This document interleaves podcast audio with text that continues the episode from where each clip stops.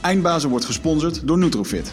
De webshop voor natuurlijke voedingssupplementen en trainingsmaterialen die je helpen bij het verkrijgen van Total Human Optimization. Nutrofit is hofleverancier van merken zoals Onnit, Natural Stacks en Bulletproof Coffee. Probeer onze producten zonder risico door onze money back guarantee. Bezoek ons op www.nutrofit.nl. Bestel je voor 9 uur 's avonds, dan zorgen wij dat jouw bestelling de volgende dag geleverd wordt.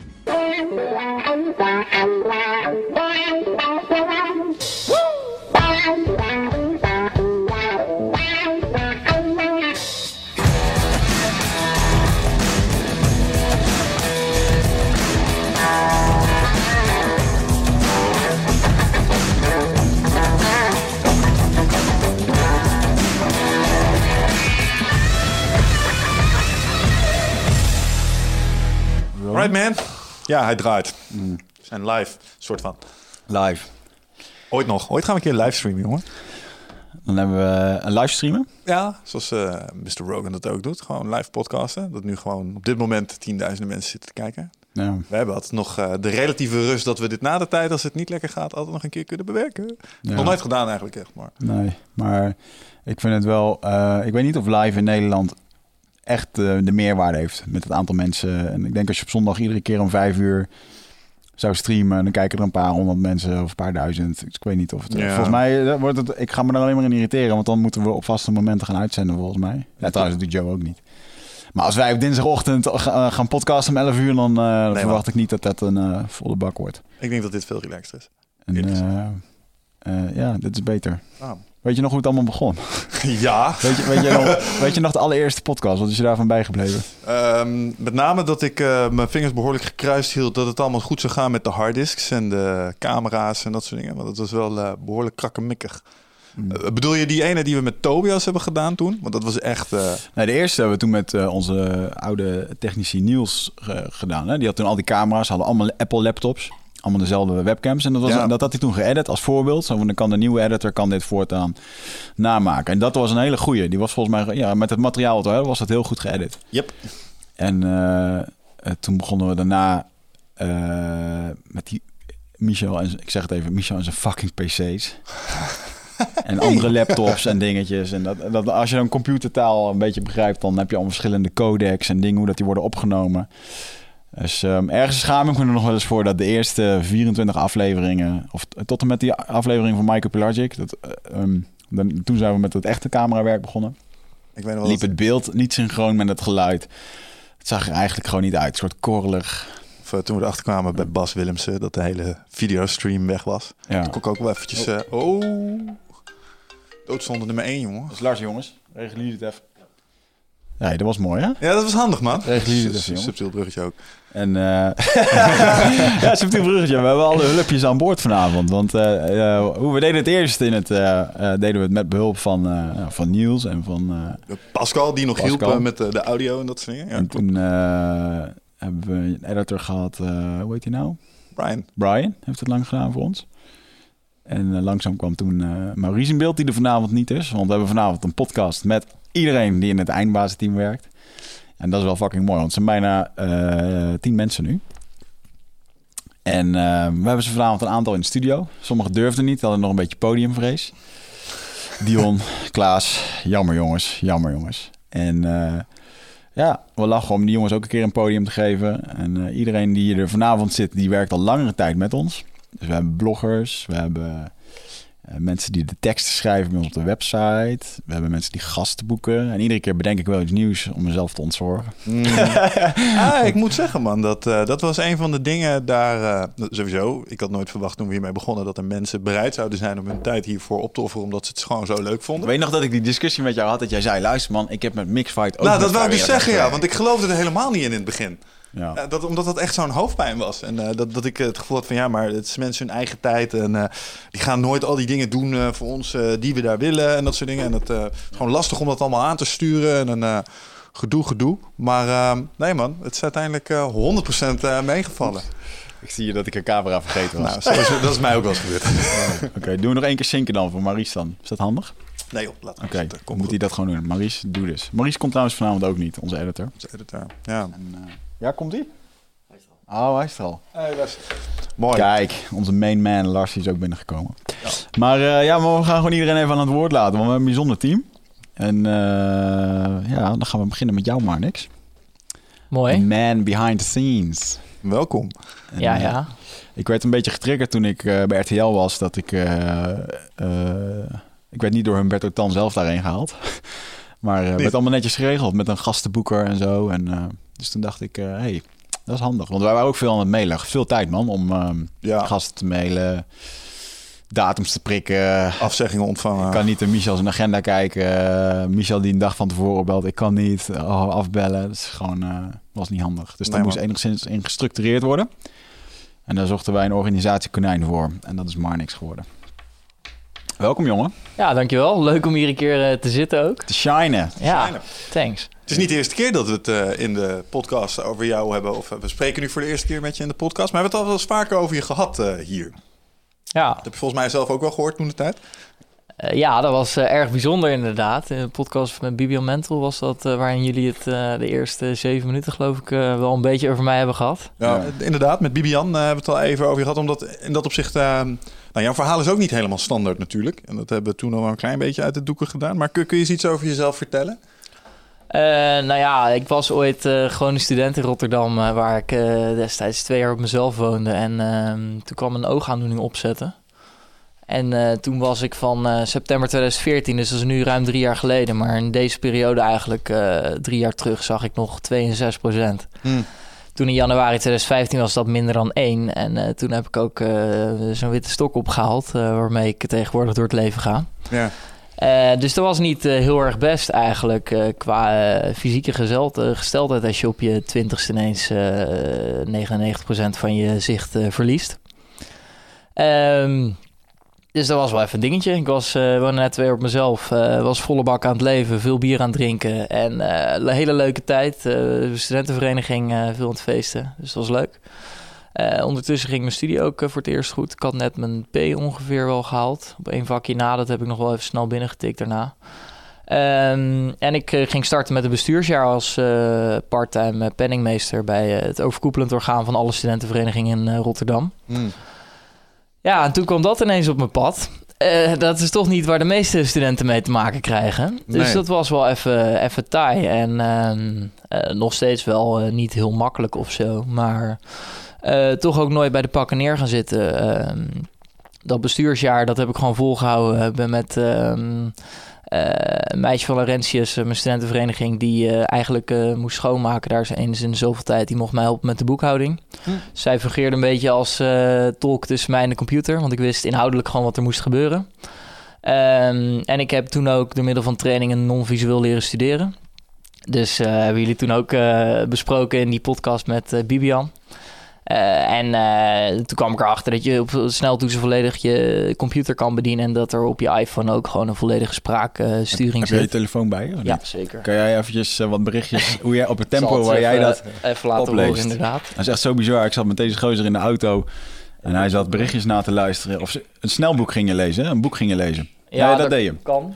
En- Nou, dat was WhatsApp, denk ik. En toen liet hij het, eh, dan gaan we eventjes, eh, wil ik bij jou Mick, eh, tot waar jij het kan volgen. Even datzelfde trucje wat je toen deed, weet je wel, dat je Oh ja, ja, ja, ja. Sowieso luistert Michel zo niet eens goed, maar Komt dat hij al zoveel aan het woord is. nu krijgen we de echte test.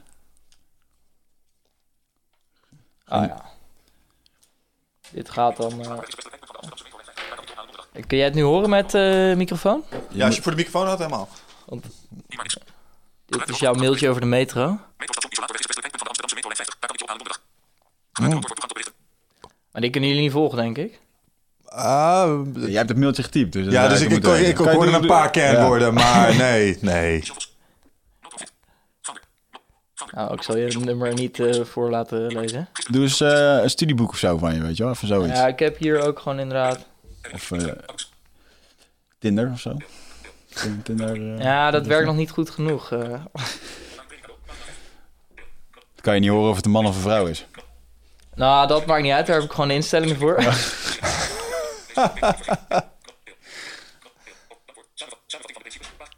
Jezus. Even zoeken.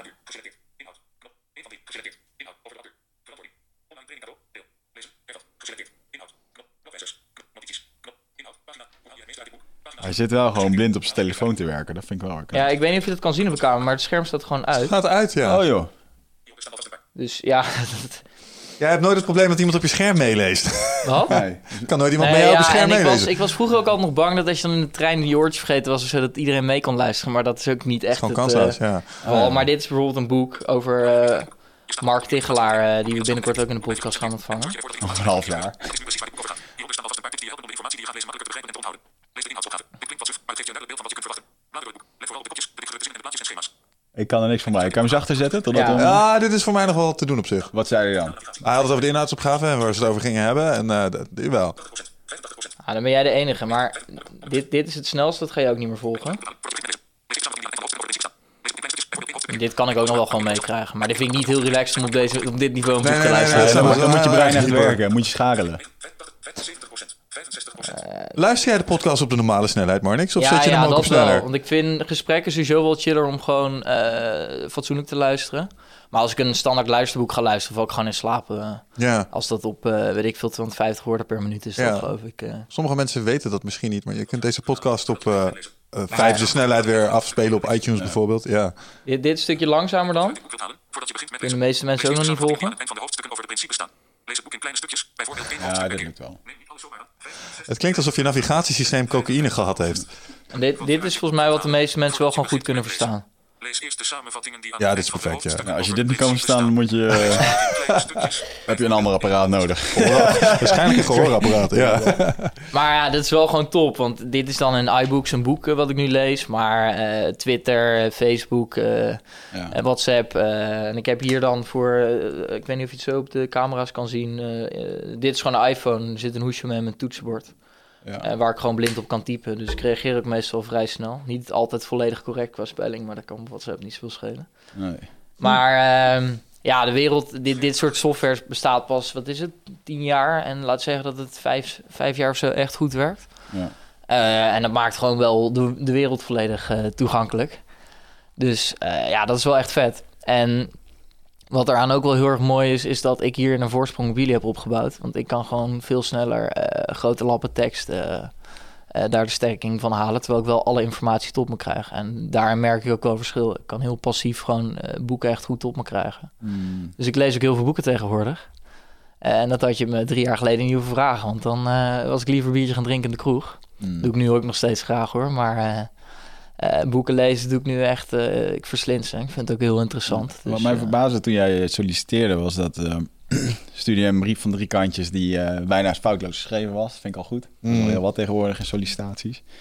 Eh, maar ook- je had ook bij, eh hoe heet die club nou? Eh, PwC? PwC, ja. PricewaterhouseCoopers. Ja. En had jij gewoon gewerkt als stage en ook met dezelfde... Ja, kon je ook niet zien. Heb je ook gewoon... Maar dat is gewoon eh, dik in Excel werken, berekeningen, dat soort dingen. Ja. Ja, dat was ook daar wel toen een lastige tijd. Want ik kwam toen op de aangiftepraktijk terecht... waarin ook heel veel informatie uit jaarverslagen gehaald moet worden. En dan moet je ook gewoon snel kunnen zoeken in veel tabellen. Dus daar kwam ik ook wel achter dat dat niet eh, mijn pakje aan was, zeg maar, qua werkzaamheden. Eh, ik ben destijds overgestapt van accountancy naar fiscaal recht... omdat accountancy echt heel cijfermatig is met veel eh, tabellen en eh, veel cijfers. Je kan je voorstellen als je op zo'n snelheid 1 miljard eh, 250 miljoen eh, 316.000 eh, 215 hoort, dan ben jij nu al kwijt. Eh, dus dat is wat lastiger. Het kan ook wel gewoon. En ik heb, ben ook gewoon twee jaar lang nog, ben ik net mee gestopt, penningmeester in de bewonersvereniging van de studentenflat geweest. Want ik vind financiën wel gewoon heel erg leuk. Maar ik kwam er daarachter dat eh, echt pdf-documenten doorspitten en dat van een grote... financiën. Ja, kan wel. Ik eh, studeer het, dus... eh, ja, laten we we even doorpraten. Je hebt een baan na deze Ja, uitzending. ideaal. ideaal.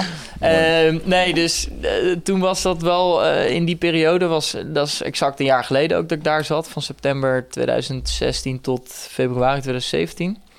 Ehm, dat ik mezelf daarin ook wel keihard tegen ben gekomen dat er voor het eerst ook echt dingen niet lukten zoals, zoals ik ze bedacht had.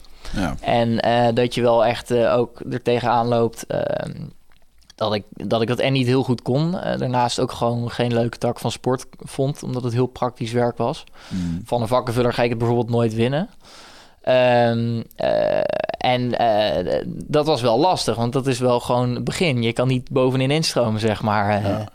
Eh, maar uiteindelijk binnen de mogelijkheden die er waren wel gewoon eh, gedaan. Eh 8,5 voor die stage ook nog gehaald. En ze waren daar ook allemaal heel tevreden. En ik eh, ga daar vanaf februari ook mijn afstudeerstage doen. Ja. Helaas niet bij jullie, wat we er net ook eh, kort eh, nog even over hadden. Maar eh, was ook leuk geweest. De avond is nog niet voorbij, hoor. Precies. Eh, Ja. Kan nog allemaal. Als er nog mensen Ehm, bij ons willen afstuderen, mogen ze zich altijd aanmelden. Oké, oké. Ehm, maar goed, eh, dus dat is wel gaaf, want eh, ik mag nu terugkomen op het vaktechnisch centrum, wat een stuk hoger zit eigenlijk qua diepgang in de fiscaliteit. En ehm, eh, dat is gewoon wel omdat ik me daar wel heb laten zien van dat ik positief in het leven sta, dat ik er het maximale uithaal over het algemeen. En dat het daar even niet lukte, is wel leuk dat je nu toch het vertrouwen terugkrijgt dat je op een andere afdeling terug mag komen waar nog nooit een stagiair heeft gezeten. Dus ik ben wel heel benieuwd hoe dat gaat. En dan ga ik onderzoek doen naar eh, fiscaliteit en social enterprises. Ik vind social enterprise wel heel interessant. Eh, het echte winst maken, eh, dat staat me niet meer zo heel erg aan. Ik vind het veel Mhm. vetter om te gaan voor een doel waarmee je waarde creëert. Dus dat zijn wel twee mooie vliegen die je dan in één klap vangt. Ehm, dus ja, eh, daar heb ik ook wel weer zin in op eh, die beurt. En dan eh, hopen dat het eh, qua echte werkzaamheden een stuk beter gaat. eh, en, eh, maar wel heel veel van geleerd eh, destijds ook weer. Dus eh, Cool man. het zijn niet de minste organisaties, zeg maar. eh. Ja. Wat is de droom, jongen, uiteindelijk? Poeh, ehm, dat is lastig. Want eerst had ik eh, wel echt bedacht om eh, het bedrijfsleven in te gaan. Eh, nu heb ik dat weer wat meer losgelaten. eh, en eh, vind ik het heel erg leuk om gewoon te kijken wat er op mijn pad komt. Ehm, eh, en daarvan was dit bijvoorbeeld ook wel weer iets heel leuks. Want destijds ik kwam terug van mijn wintersport op zondagavond. Ik zag jullie nieuwsbrief en ik zag het in de brief voorbij komen. En ik denk, ik ga morgen gewoon een mooie motivatiebrief typen. en dan kijken we wat het wordt. Ja. Toen had ik jou die woensdag daarna, geloof ik, aan de lijn.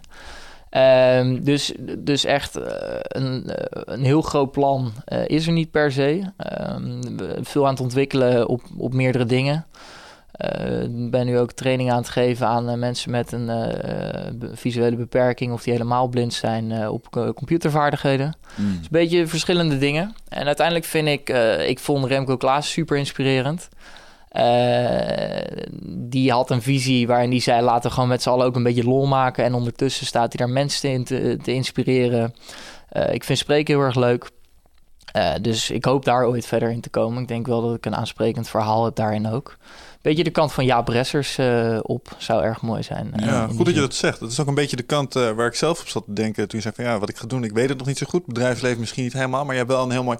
Kijk, toen Wigert mij vertelde over jou, zo van... hey, ik heb iemand gevonden die potentieel onze gasten kan gaan organiseren. Maar het is een beetje een apart verhaal. En hij vertelde over je. En ik had meteen zoiets, je hoeft niet verder te zoeken. Deze meneer gewoon. Omdat op het moment dat iemand overkomt wat jou is overkomen... En je doet desondanks alle dingen die jij doet. Ik bedoel, ik weet niet of het mij gelukt was eh, om daar zo eh, voortvarend mee om te springen als jij. Ik bedoel, ze hebben mij uitgelegd hoe jij snowboard. Ja, skiën. Eh, eh, of ja, skiet. Maar, maar zonder ehm, eh, met iemand achter je of voor je die je in ieder geval sport. Maar als mij een blinddoek om zou doen en je zou mij vragen: je hebt per skis of snowboard. Ik zou het niet durven. Ik zou het niet doen. En je doet die dingen allemaal desondanks. En je laat je gewoon niet uit het veld slaan. En ik denk dat dat voor een heleboel mensen die in soortgelijke situaties zit. Eh, dat kan. Ik vond het zelfs inspirerend, snap je? En ik heb mijn beide ogen gewoon eh, prima voor elkaar. Dus eh, ah, daar kun je nog wel eens iets te pakken hebben, denk ik. ja.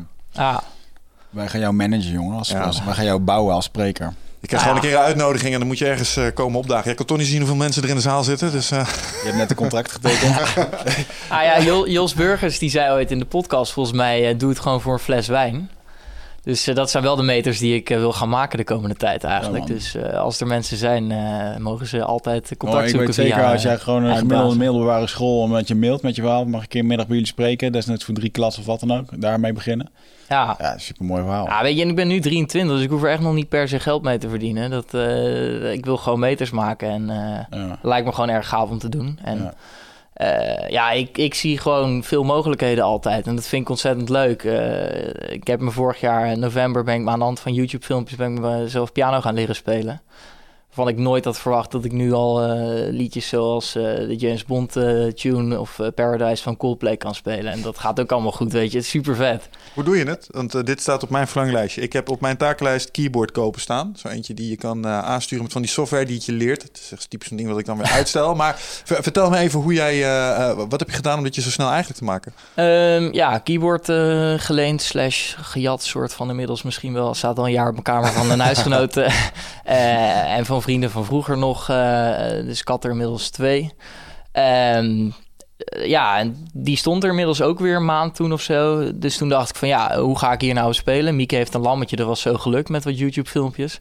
Toen wat verder door gaan zoeken, toen kwam ik uit op een Nederlandse pianocursus... die het eigenlijk vrij goed uitlegde. Die, die de notenschema's en zo allemaal vertelde hoe dat werkte met eh, akkoorden ook. Hmm. En eh, dan vervolgens, als je dan 150 euro betaalde of zo... ehm, kon je ook eh, van die gewoon liedjes, die tutorials eh, krijgen. Ah ja. Ja, dat ging steeds beter. Kom je naar hoger niveau.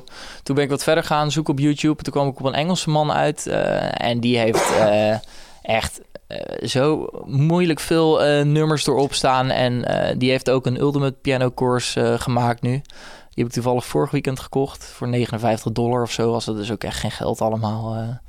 Eh, om zoveel kennis. En eh, ja, het legt het gewoon super goed uit. Daar heb je het beeld allemaal niet voor nodig. Eh, en ja, ik vind zelf altijd heel erg leuk om me gewoon ergens in te ontwikkelen. En ehm, eh, ja, vervolgens gewoon doen. En ja, dan is het af en toe wel moeite doen, maar je doet wel echt moeite voor iets leuks. Dus dat is wel grappig Ja. met muziek spelen. Ja, dat- terwijl ik er ervoor echt helemaal niet van was. Dat is wel grappig. Ik weet nog dat ik dat inderdaad zei van deze gast die doet het gewoon. Toen je Ja. een mailtje feest stuurde en eh, dat is zo verwaard. We krijgen zo ontzettend veel mails van mensen die graag verbonden willen zijn, maar uiteindelijk niks doen. Ehm, of daar een beetje in blijven hangen of eeuwig blijven studeren. Maar uiteindelijk is het gewoon eh, je handen uit de mouw steken en doen. Dus ehm, je tijd zit er wel op. We moeten door naar de volgende, jongen. ja. Hey, je bent in ieder geval een keer een eindbazen geweest. Dat is Ja, sneller, dan, sneller dan eh Ja Bressers. En ehm, met minder, met minder eh, podiumtijd. Oké. Dus ehm, Ah, het zou ik- me niks verbazen als hier nog wel eens een sprekersverzoekje Ja, voor Marnix ja, uit zou kunnen vind ik ook rollen. wel. Ja, dat zou ik leuk vinden. Dus eh Ja, eh, mag gewoon via de website, denk ik, hè? Als, eh, als ik mezelf Geen even mag pluggen. Ja, ze kunnen, mensen kunnen gewoon mailen naar Bishinawa Management. En, eh, en dan eh, regelen we een mooi prijsje. Dankjewel, jongen. Komt goed. Leuk. Lachen. Alright. Weet iedereen nou trouwens wat hij doet? Nee, niemand weet wat hij doet. In de zin van? Ja, hij boekt gasten. Jawel, daar hebben we het over ja, gehad. Ja, ja, ja, ja, zeker, zeker, zeker. Uitgebreid over gesproken. Nee, nee, nee, nee, we geloven het wel. Geloof het wel. Alright. Ik ga even een eh, Who's next? dingetje pakken. Drankje. Wat wil jij drinken, Erik? Eh theetje. Theetje, theetje. Van nog water hebben. Wie wil er eh, aanschuiven? Janneke? Want Janneke, die, jij bent er wel echt als een van de... Nou, jij bent misschien wel een van de eerste vrijwilligers die we hebben gezocht. Want de, eerste, 6-0. de eerste vrijwilligers gingen over... eh, eh, ja, we wilden meer content maken, meer geschreven content, bloggers. En eh, toen heb jij gereageerd. Ja. En toen ben je gaan bloggen voor ons. Schrijft hele mooie blogs. En eh, ehm, ik moest altijd wel lachen over jouw blogs. Want jij schreef altijd over... eh, of vaak de spirituele zijde vind je leuk, hè? En ehm, die waren wel er, ernstig goed belezen. Jij kan heel mooi schrijven. Dank je. En dan weet ik nog wel dat je mij altijd opbelde van... Kijk er nog even naar, is het al goed? En dan, Eh, maar altijd goede reacties erop. En eh, ja, ik vond dat het wel een mooie, mooie insteek. eh. En wat ik altijd wel mooi vond, dat je dan appte van... ik heb geen inspiratie, weet je nog een leuke podcast? En dan noemde ik een naam en dan had ik de volgende dag... of de, week daarna al echt een goed blog daarover. En dan was je er helemaal op aangegaan. Dus dat was wel mooi. En ehm, eh, eh, wat ehm, kan je zelfs voorstellen? Wat doe je, wie ben je? Ik ben Janneke. Ik ga wel meteen wat te zeuren hebben. Je moet iets dichter op je microfoon Ja. kruipen. Oké. Je mag hem bewegen en zo en eh, ongeveer zo 2, 3 centimeter. Er niet in kouwen, dan komt alles goed. Ehm, ik kom uit Den Haag. Ik woon aan de Duinen. Ik blog voor jullie, al een tijdje niet. Maar ik ga weer eh, in de making. Goed zo. Ehm, en wat doe ik? Ik, ben, eh, ik geef eh, yogales. Kijk. Ehm, bloggen doe ik natuurlijk eh, voor de hobby, maar schrijven doe ik ook al mijn hele leven. En ik volg een opleiding, Mindfulness-Based Emotional Intelligence. En ik ben bijna klaar, over een maand. Mooi. Volgens mij hadden jullie eh, iemand dat? hier in de studio die eh, mijn leraar is. Robert. Robert. Robert Bridgman. Robert is jouw leraar. Ja, Oh, wat leuk. een van mijn. Ja, Ah, heel goed. ja dus eh, daar ben ik eh, mee bezig. En dat is heel tof. Cool. Wat is het? Ehm, het is een, eh, een stroming van mindfulness die is ontstaan binnen Google. En die combineert de traditionele inzichtsmeditatie met emotionele intelligentie en hersenwetenschap. Mm. En die combinatie is heel fijn, want ehm, ja, dat maakt het niet zweverig, heel toegankelijk en eh, toepasbaar, laagdrempelig. Aha. En wat ga je ermee doen? Geef je al les? Ik, eh, nou, ik heb net mijn eerste zes weken training gegeven aan gewoon mensen uit mijn omgeving voor mijn opleiding. En eh, ik wil ook wel weer terug naar het bedrijfsleven, want daar kom ik vandaan. Mhm. Maar daar wilde ik ook heel graag uit, even. Maar ik wil wel weer terug om ja, daar wat meer bewustzijn te gaan brengen. Waarom wou je weg uit het bedrijfsleven? Nou, ik, ik zat in een baan die ik niet zo tof meer vond. Waar ik gewoon van voelde, oké, eh, hier ga ik niet gelukkig van worden. En het is dus heel grappig. Vandaag was ik aan het studeren eigenlijk. En mijn, ik heb een kast vol met boeken. En ik heb gewoon in de loop der jaren allerlei boeken gekocht. En ik zag dat alles waar ik nu aan mee bezig ben, dat ik daar eigenlijk al jaren eh, mee bezig ben. Maar dan gewoon in tijd die ik niet had of zo. Eh, dus als ik nu, ik zat vandaag eh, te studeren en toen dacht ik, hé, hey, volgens mij heb ik dit boek gewoon. En toen keek ik en toen had ik gewoon echt zes boeken over dat onderwerp staan, weet je wel. Toen dacht ik, ja, ik ben nu echt met een onderwerp bezig wat me eigenlijk al mijn hele leven boeit. En, eh, maar waar ik nooit, ja, zo'n klassiek verhaal van gewoon ingerold en dingen gaan doen waarvan ik dacht dat het wel goed was. Eh, voldoen aan verwachtingen van, eh, van mensen, van de wereld, van eh, mijn omgeving. Ja, en daar ben ik mee gestopt. Voor jezelf gekozen. Ja. Ja.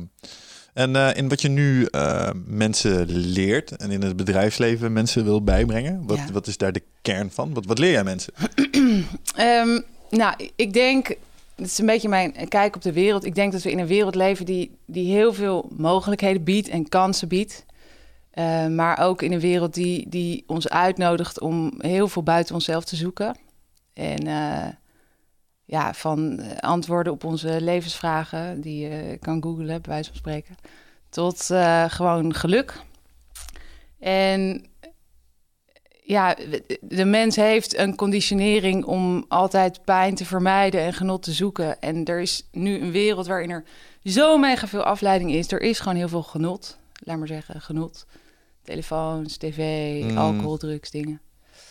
Dus er hangt voor mijn gevoel een soort sluier over de wereld... waarmee je eigenlijk heel makkelijk weg kan gaan. Ik, in die ideale wereld, als er iets gebeurt of iets overkomt je... en het is vervelend, dan eh, verwerk je dat en dan leer je ervan en dan ga je door.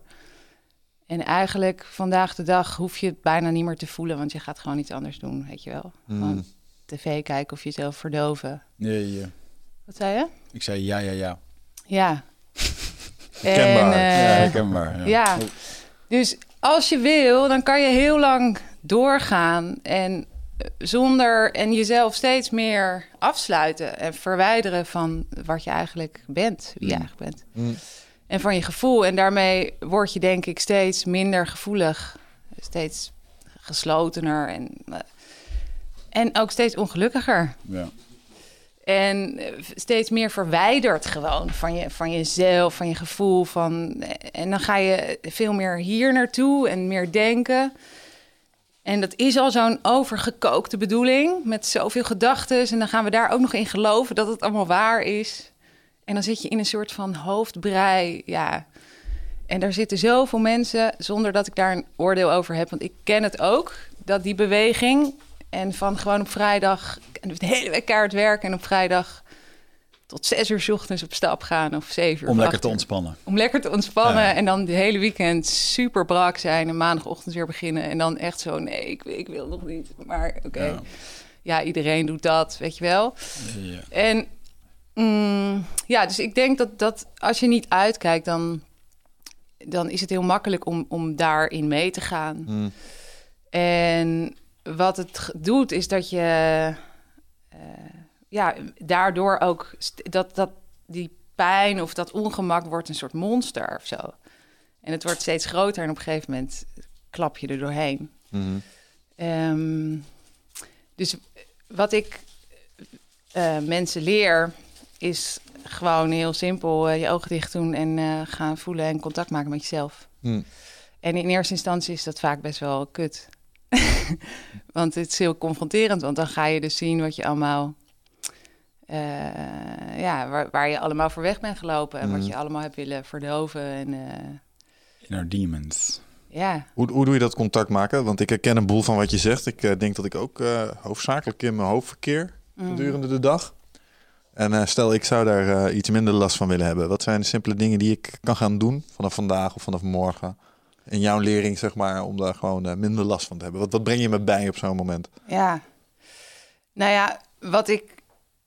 Ik, ik geef dus eigenlijk een soort mi- mindfulness les, meditatieles. Volgens mij doe jij daar al wel aan. Tikje? Ja. Tikje. Nou ja, eh, wat je dan gaat doen is gewoon momenten voor jezelf creëren om met je ogen dicht te gaan zitten en contact te maken met je lichaam.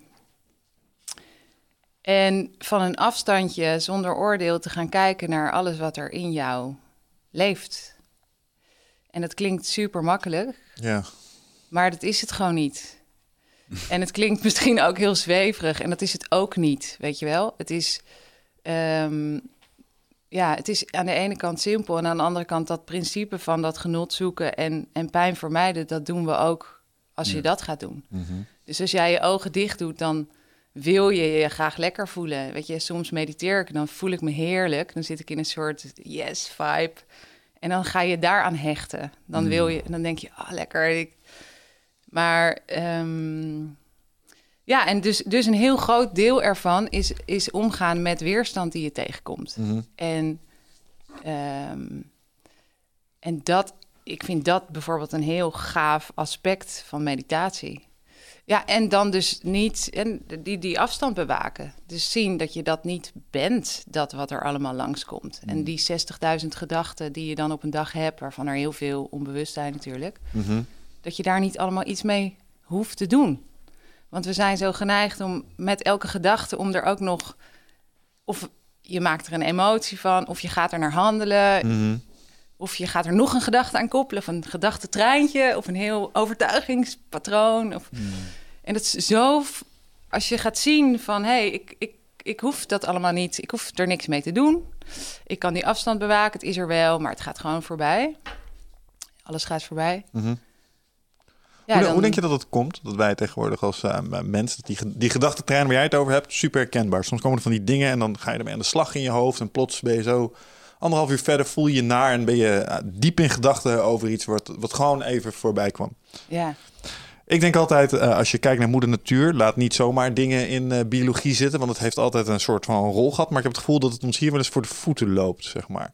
Wat, wat, is, wat is het wat ervoor zorgt, denk jij, dat wij mensen zo met die gedachten aan de slag gaan? ja, het is ook een soort verslaving. Denk je? Ja.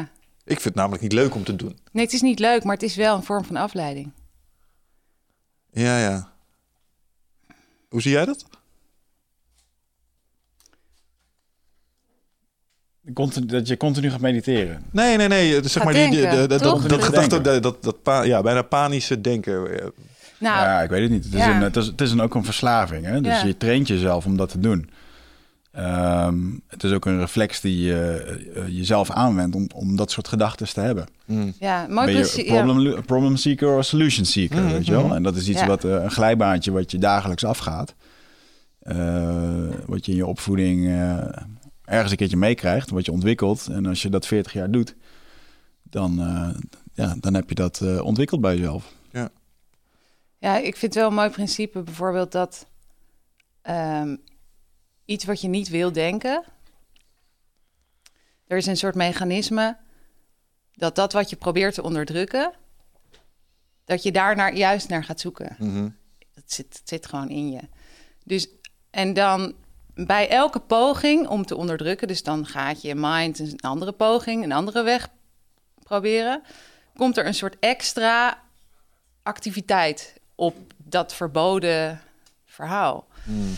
En daarmee maak je eigenlijk iets wat je niet wilt, een soort van extra groot. Hmm. Dat principe is toch al heel bizar als je daarover na. Dat, en dat, dat maakt iets wat je eigenlijk niet wil, een obsessie of zo. Hè? Dat, dat hoor je toch vaak. Dat mensen die juist heel erg ergens weg van willen, Hmm. eh, dat dat juist naar ze terug boemerangt, als het ware. Mm. Dus eh, ja, en dat heeft weer onwijs te maken met weerstand en daar gewoon hè, dingen als eh, ijsbad en koud douchen en eh, ayahuasca en zo. Dat zijn natuurlijk allemaal manieren om naar je weerstand toe te gaan. Mm. Hmm. Meditatie. En ik denk dat dat heel goed is om daarmee te leren dealen. Jouw ehm, tijd is bijna op. Ik Oh. wil even afsluiten met het... eh, eh, hoe ben jij bij eh eh, Eindbazen terechtgekomen? En wat was je favoriete aflevering? Of leveringen? Ehm, ik ben hier, eh, met, bij Eindbasis terechtgekomen omdat ik eh, me veel bezig hield, houd met ayahuasca. En eh, als je daarmee begint, dan wil je alles weten, Wat is dat? Wat, zien. wat, wat is dat? Ja, kan en eh onwijs kennisbehoefte. Dus eh, ja, ik heb echt al die documentaires en het- toen dus ook kwam ik automatisch bij jullie podcast gekeken. En eh, over vier dagen mag ik weer Spannend. ja, mijn eerste drie dagen. Eh, dus, dus ja, zo kwam ik bij jullie. En toen zag ik jullie podcast daarover.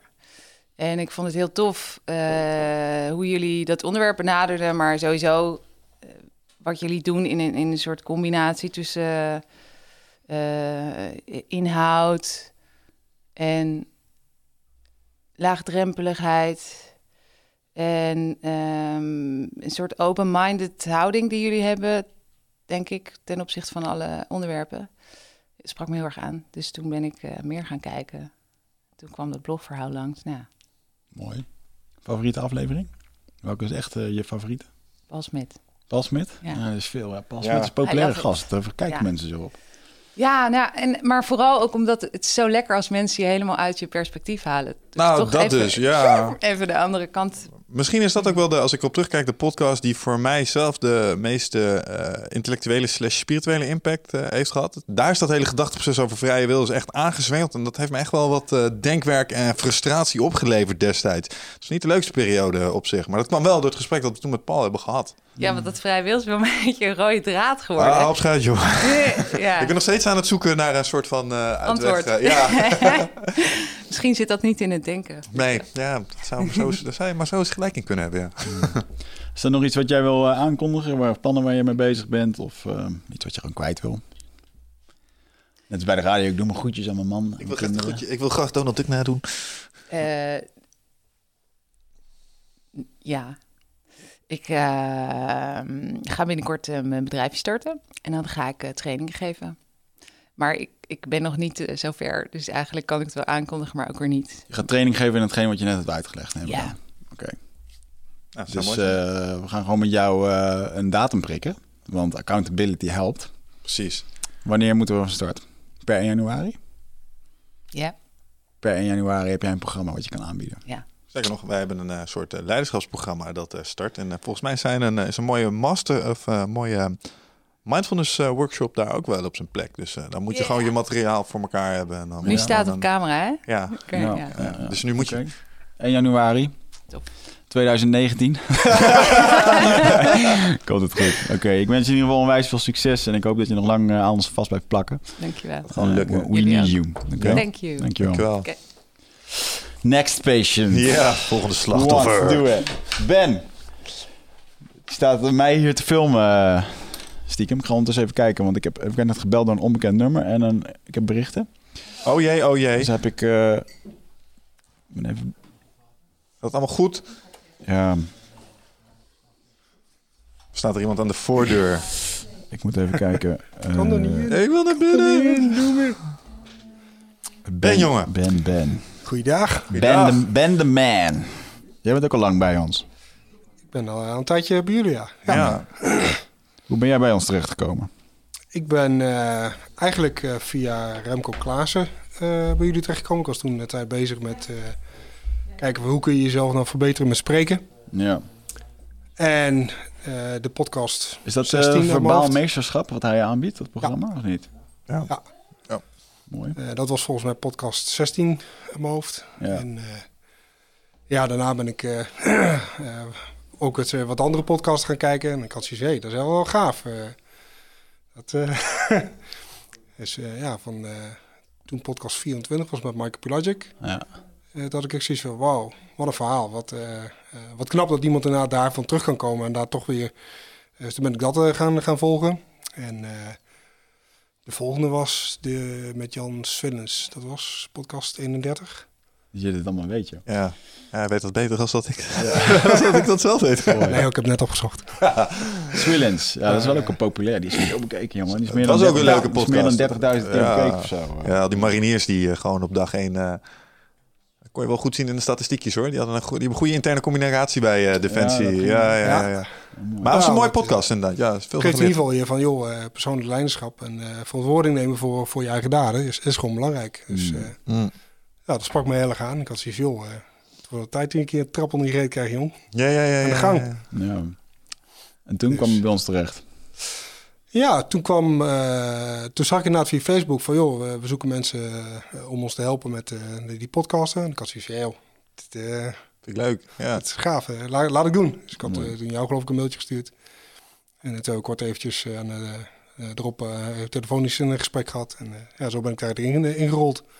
Dus de timelining, zeg maar, die, dat doe ik. Ja, maar ik wou net zeggen, jij doet Dit- voor de eindconsument wel een van de belangrijkste klusjes volgens mij eh, als het gaat om eh, kijkgemak. Jij Ja. maakt inderdaad de timelines in de omschrijvingen van de podcast. Zodat je op YouTube makkelijk van eh, onderwerp naar onderwerp eh, Klopt. kan springen. Ja, dat is wel fijn man. Mooi werk. Dat je Ja. gewoon inderdaad per, per minuut kan je zien waar het over gaat. En dat schrijf je Bijna wel. En, Weet je wat me daar altijd aan opvalt? Is hoe ongelooflijk veel onderwerpen we raken. ja, Het Ja, is echt een lange lijst man. I know. En dan klopt. hebben we al best wel uit- uitgebreide beschrijvingen. Eh, maar dat dekt lang niet alles wat... eh, er zitten pareltjes in, weet je wel. Als je dan mensen... Ik heb vaak dat ik aan het zoeken ben op iets, op een bepaald onderwerp. En dan hoor ik vaak... In de, kom je uit in de show notes van podcast. Mhm. En dan wordt er twee minuten over gesproken. Maar dat zijn wel de... Ah, zit dat zo, weet je? Mm. en als je die twee minuten zoekt op een eh, podcast van twee uur. Ja, Succes. ja, mazzel. Ja. Ja, ja, je hebt wel een podcast uitgekozen die lang duurt. Maar Dat klopt. Eh, gemiddeld is, eh, ben ik ongeveer de dubbele tijd kwijt eh, om één timeline te maken. Dat is ongeveer...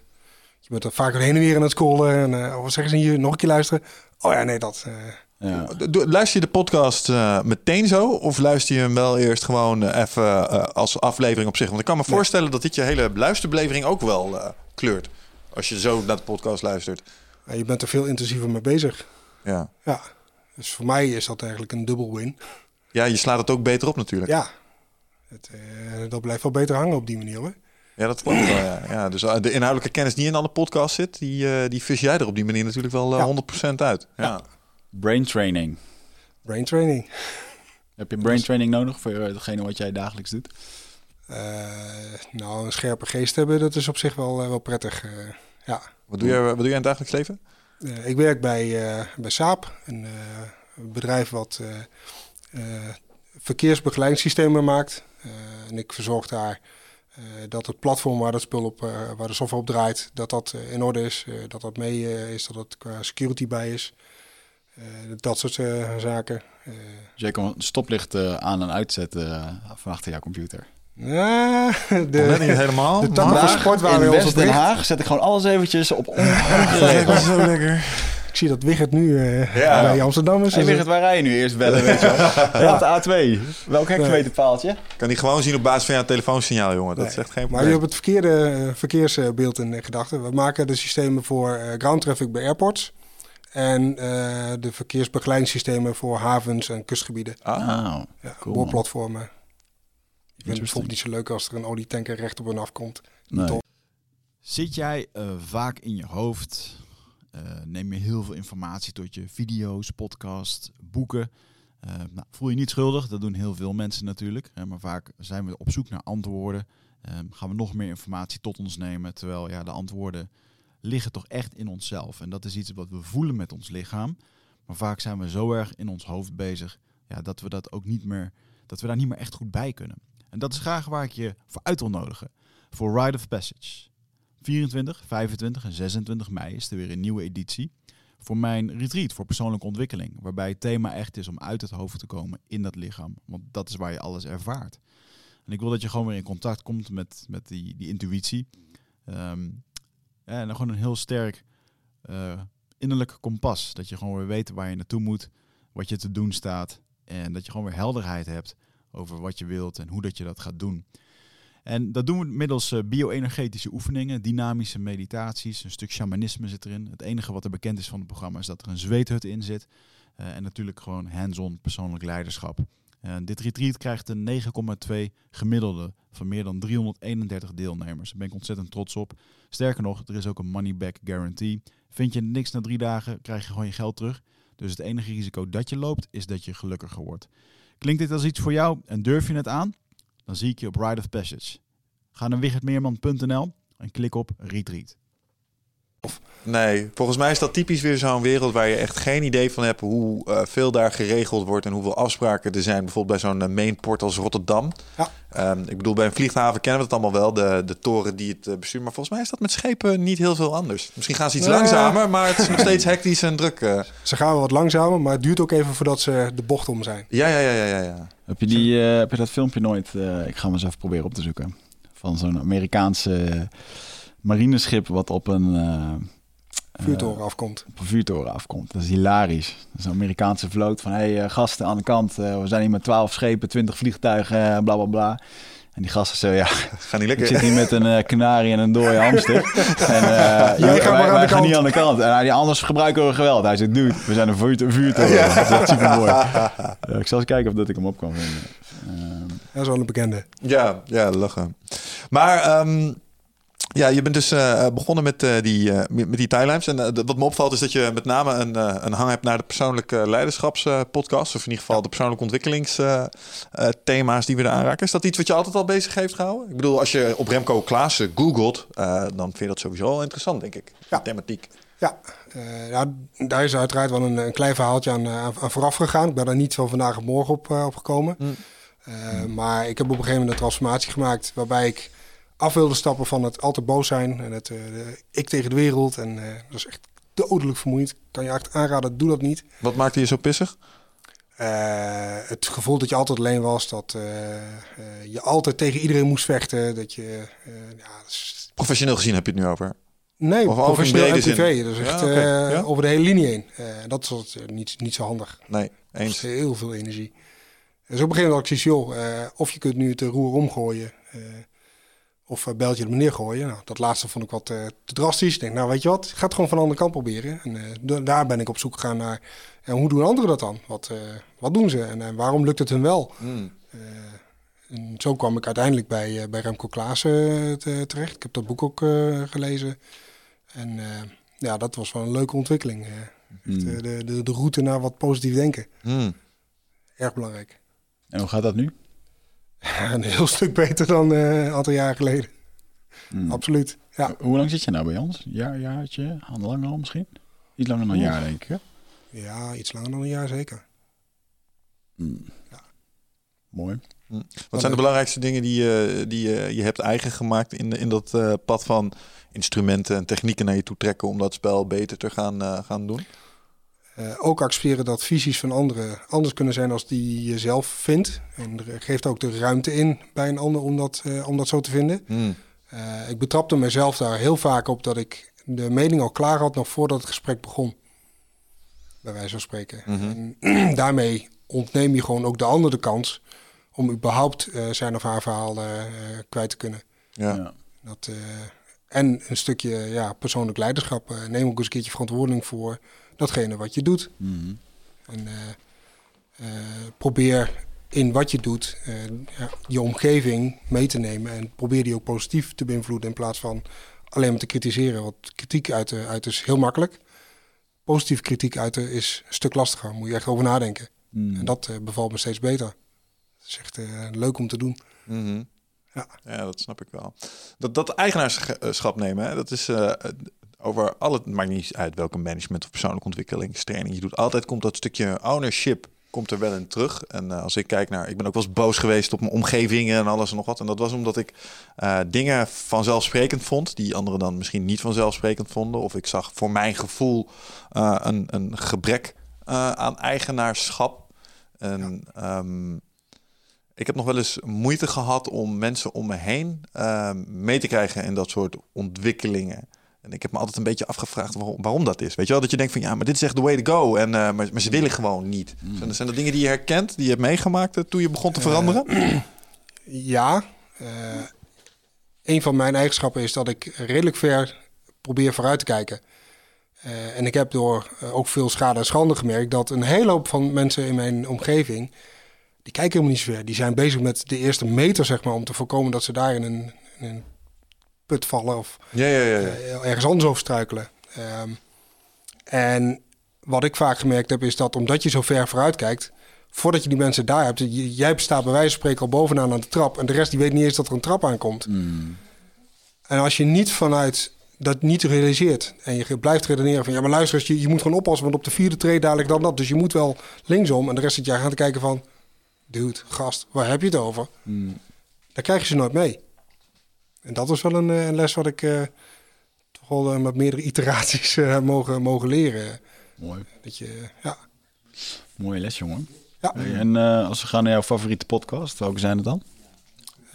Ja, nummer, ik vond die met Jans uh, vond ik echt super. Omdat hij mij persoonlijk echt heel erg aanspreekt. Dan is wow. Jij bent ook oud commando, toch? Nee. ja, Uitgezonden geweest en zo, ja man. eh, Navy Vietnam, man. Twee Ja. tours. Two tours in Vietnam, man. Medal Nee, of nee, Honor. nee, nee, nee, dat absoluut niet. Hmm. Nee, nou, het maakt niet uit. Ik heb ook geen eh, militaire achtergrond. Maar eh, de, de, de wijze waarop zo'n meneer Swillens dat dan presenteert... er zit een bepaalde kordaatheid in. En een Ja. bepaalde Ja. manier- dat, dat, dat resoneert ook heel erg bij mij. Ik vind dat echt mooi. Ik, Ik ga had zin om aan. te tekenen voor het leger daarna. Weet Ja, je. ja, ja, wat is dat? precies. Ja. Dat, dat Ja. gevoel had ik echt direct. En- zo. Eh, weet je, ik ben echt een pacifist daarin. In de zin van, ben niet eh, voor oorlog en dat soort dingen. Maar ik vond het wel mooi wat hij zei, hoe hij dat beschreef. Ja. Ja, maar al, al heel simpel gewoon... Denk eerst eens na voordat je wat gaat doen. Hè, en- en toen hij dat ook zo uitsprak. En hij wist het ook op een zeer makkelijke manier heerlijk te begrijpen. Kon hij het uitleggen. En ik zei van, joh, al die stukjes vallen zo op een plek. Mm, ja. Want, eh, wat ik ook wel een hele sterke podcast eh, vond, was eh, met Bas Kodde. En dat merendeel omdat wat hij vertelde eh, over creativiteit. En eh, als jij werkt in een omgeving waar heel veel controle is, dat dat echt averechts werkt op je, op je creativiteit. En ik had echt zoiets van. Die gast die spreekt gewoon precies uit wat ik in mijn omgeving gewoon zie gebeuren. Ja, Wat dat was een ervaar. spiegel voor mij, want ik was zo'n Excel-sheet manager. manager bij Object. ja, en eh, ik geloof echt wel dat dat zo af en toe motivatie en creativiteit de kop heeft ingedrukt. Ja. Ja, Ja, zeker. Dat is absoluut waar. Mooi man. ja helder. Mooie inzichten. Is er nog iets wat je wilt delen met het, eh, het publiek? nou, wees goed voor elkaar. Dat, Kijk. eh, Kijk, harmonieuze Harmonieuze boodschappen. boodschappen. Heerlijk. Kumbaya, even handjes vasthouden, jongens. Vier is oud. Nee, eh, je hebt volledig gelijk, jongen. En eh, wat is de grote... Jij bent ook bezig met een droom, toch? eh, ja. Wil je dat niet delen? Als het mag ook. Eh, ja, ik, eh, ik wil uiteindelijk eh, stappen gaan maken in, eh, in de domotica. Ik wil daar graag eh, een, een grote verandering eh, gaan. eh, Dus dat wil eigenlijk gewoon zeggen dat als ik straks in mijn woonkamer sta... en ik klap in mijn handen, dan gaan de gordijnen open. En als ik roep lamp aan, dan gaan de lampen in mijn zwembad aan. Dat soort... eh, dat is onder andere waar ik aan eh, denk. Ja. nou, Maar wat nog meer? Eh, ook meer in de richting van eh, verzorging. Eh, als mensen langer bijvoorbeeld thuis willen blijven wonen en het geval van ja, je moet eigenlijk een noodknop bij je hebben. En dan zeggen ze ja, maar dat doe ik met mijn telefoon. Oké, je woont in een huis met een verdieping. Je hebt de telefoon boven liggen en je bent beneden. Je knikt het om. En nu? Ja, maar dan hebben we een polsbandje om. Ja, die doe ik niet om, want die vind ik vervelend zitten. Ja, dat zijn allemaal beperkingen waarvan ik zeg... De techniek is er eigenlijk al lang om dat op een andere manier op te lossen. Hè. Stel dat jij gewoon kunt roepen van help, ik, ik lig hier op de grond. En dat er vervolgens het systeem eh, een, eh, een dokter belt of eh, een andere contactpersoon oproept. Ja, Dat soort dingen zit ik aan te denken. slim. Ja. Het kan al met je, met je telefoon. Zou het nu al... Hey Siri of Hey Google, weet je wel. Maar dan, eh, maar dan iets in je huis dat dat gewoon overal kan afvangen. Ja, Ja. Dat soort eh, Goed idee. zit ik aan te denken. Interesting man. 1 januari dus. Ja, is dat. Wanneer zijn de whitepapers eh, gepubliceerd? In, eh, 20 2020, eh. Mooi jongen, we eh, gaan je volgen. En eh, ja, goed, eh, ik hoop dat je nog lang bij ons blijft plakken ook. Oh, zeker weten. We need you. Nice. Thanks. Dankjewel. Thanks. Gaan we de volgende. Oké. Next patient. Ja. Ja? Ja? Weet je zeker? Weet je zeker? the man with the beard. Iedereen is er nog, hè? Er is nog niemand naar huis gegaan, volgens mij. toch? Nee. Hallo. Hoe is het jongen? Hallo. Goed. Goed, een, een eh, gemoedelijke Bra- Brabantse G hoor ik hier. Ja, Het zo mooi is dat, eh, hoe, eh, hoe een accent zo eh, meteen je perceptie van iemand eh, aan een bepaalde kant op kan stuwen. Hè? Ik heb dat volgens mij hier wel eens een keer verteld. Maar het blijft me altijd bij als het gaat om accenten. Dat ik een keer naar het nieuws zat te kijken. En er was een interview met een meneer. En hij zag er een beetje Arabisch uit. En hij keek een beetje boos. En ik had meteen een bepaald oordeel over die meneer. Toen ging het volume aan. Toen, toen kwam ik achter dat hij met een accent sprak zoals jij. En ik mocht Ah, hem meteen. ik, weet, ik weet niet. Het accent van iemand eh, doet echt iets met eh, de manier waarop je ze... ja. Merk jij dat wel eens? Je komt uit Veghel, hè? Ik kom uit Veghel, ja. Ja, bij Eindhoven, ja. Ja, dat zuidelijks heeft iets gemoedelijks. Ja, dat vind ik ook. Nee, ik, ik merk het eigenlijk nooit. Nee, Nee? Is dat omdat je veel spreekt met eh, mensen die hetzelfde accent ik hebben? denk het wel, ja. Ja. ja. Ik vraag me dat wel eens af. Kun kun je het horen van mij? Nee. Wat? Dat ik uit Oosten? Nee, hè? Ja, als jij met lotgenoten... eh, Lotgenoten, die- Ja, ik noem het. Als jij met lotgenoten die uit dat oord komen praat, dan eh, hoor ik jou... eh, dan ga je terug in je, in je echte modus. Dan Ja, ga je zo praten. Ja, je praat anders als je met mij praat. Ja, Maar heb ik ook als ik in ons ben met mijn ja, dat, ja bij jou hoor je het dan ook wel een praat beetje, ik ook over ons mam en dat soort dingen. Dan zeg ik ook houdoe. Ja. Maar Waar beginnen ze nou met gij en ge zeggen? Want dat zijn ook Gij. plekken. Ja, gij. Zeg jij nou? Ja. Ja, maar is is- dat niet maar eh, is met een knipoog? Dat zeg je Nee, toch niet is serieus? echt, echt heel plat Ja? Os, ja. Ah, Ja, dan ga je nog naar, eh, dan ga je nog iets op de markt gekocht. eh, op de markt gekocht. ja. Dat soort dingen, ja. Ik vind het fantastisch. Echt Brabants. Maar goed. Mooi. Wie ben je en wat doe je, jongen? Ik ben Erwin, Erwin Schouten uit Veghel. Ik, ehm, ik ben distillateur en stucadoor. En ik werk eh, eh, fulltime voor mezelf. Dat is een interessante combinatie. Ja, Distilleur en stucadoor. ja, Het zijn twee supermannelijke eh, professies volgens mij, als je het mij vraagt. ja. Je Dus, maakt je eh, eigen gin, hè? Ja. Ja, mijn eigen gin, eigen vodka. Binnenkort met de whisky beginnen. Wauw. Wauw, man. Dat is echt wel... eh, een- is dat een uit de hand gelopen hobby? Ja. Kun je het noemen, ja. ja. Je kon op een gegeven moment niet meer betalen eh, bij de winkel. Dan ging het gewoon zo. Nee, het ligt iets Zelf dieper, stoken. eh, Weet je, zo'n Russisch eh, stookkanon, weet je altijd. Nee, het gaat verder terug.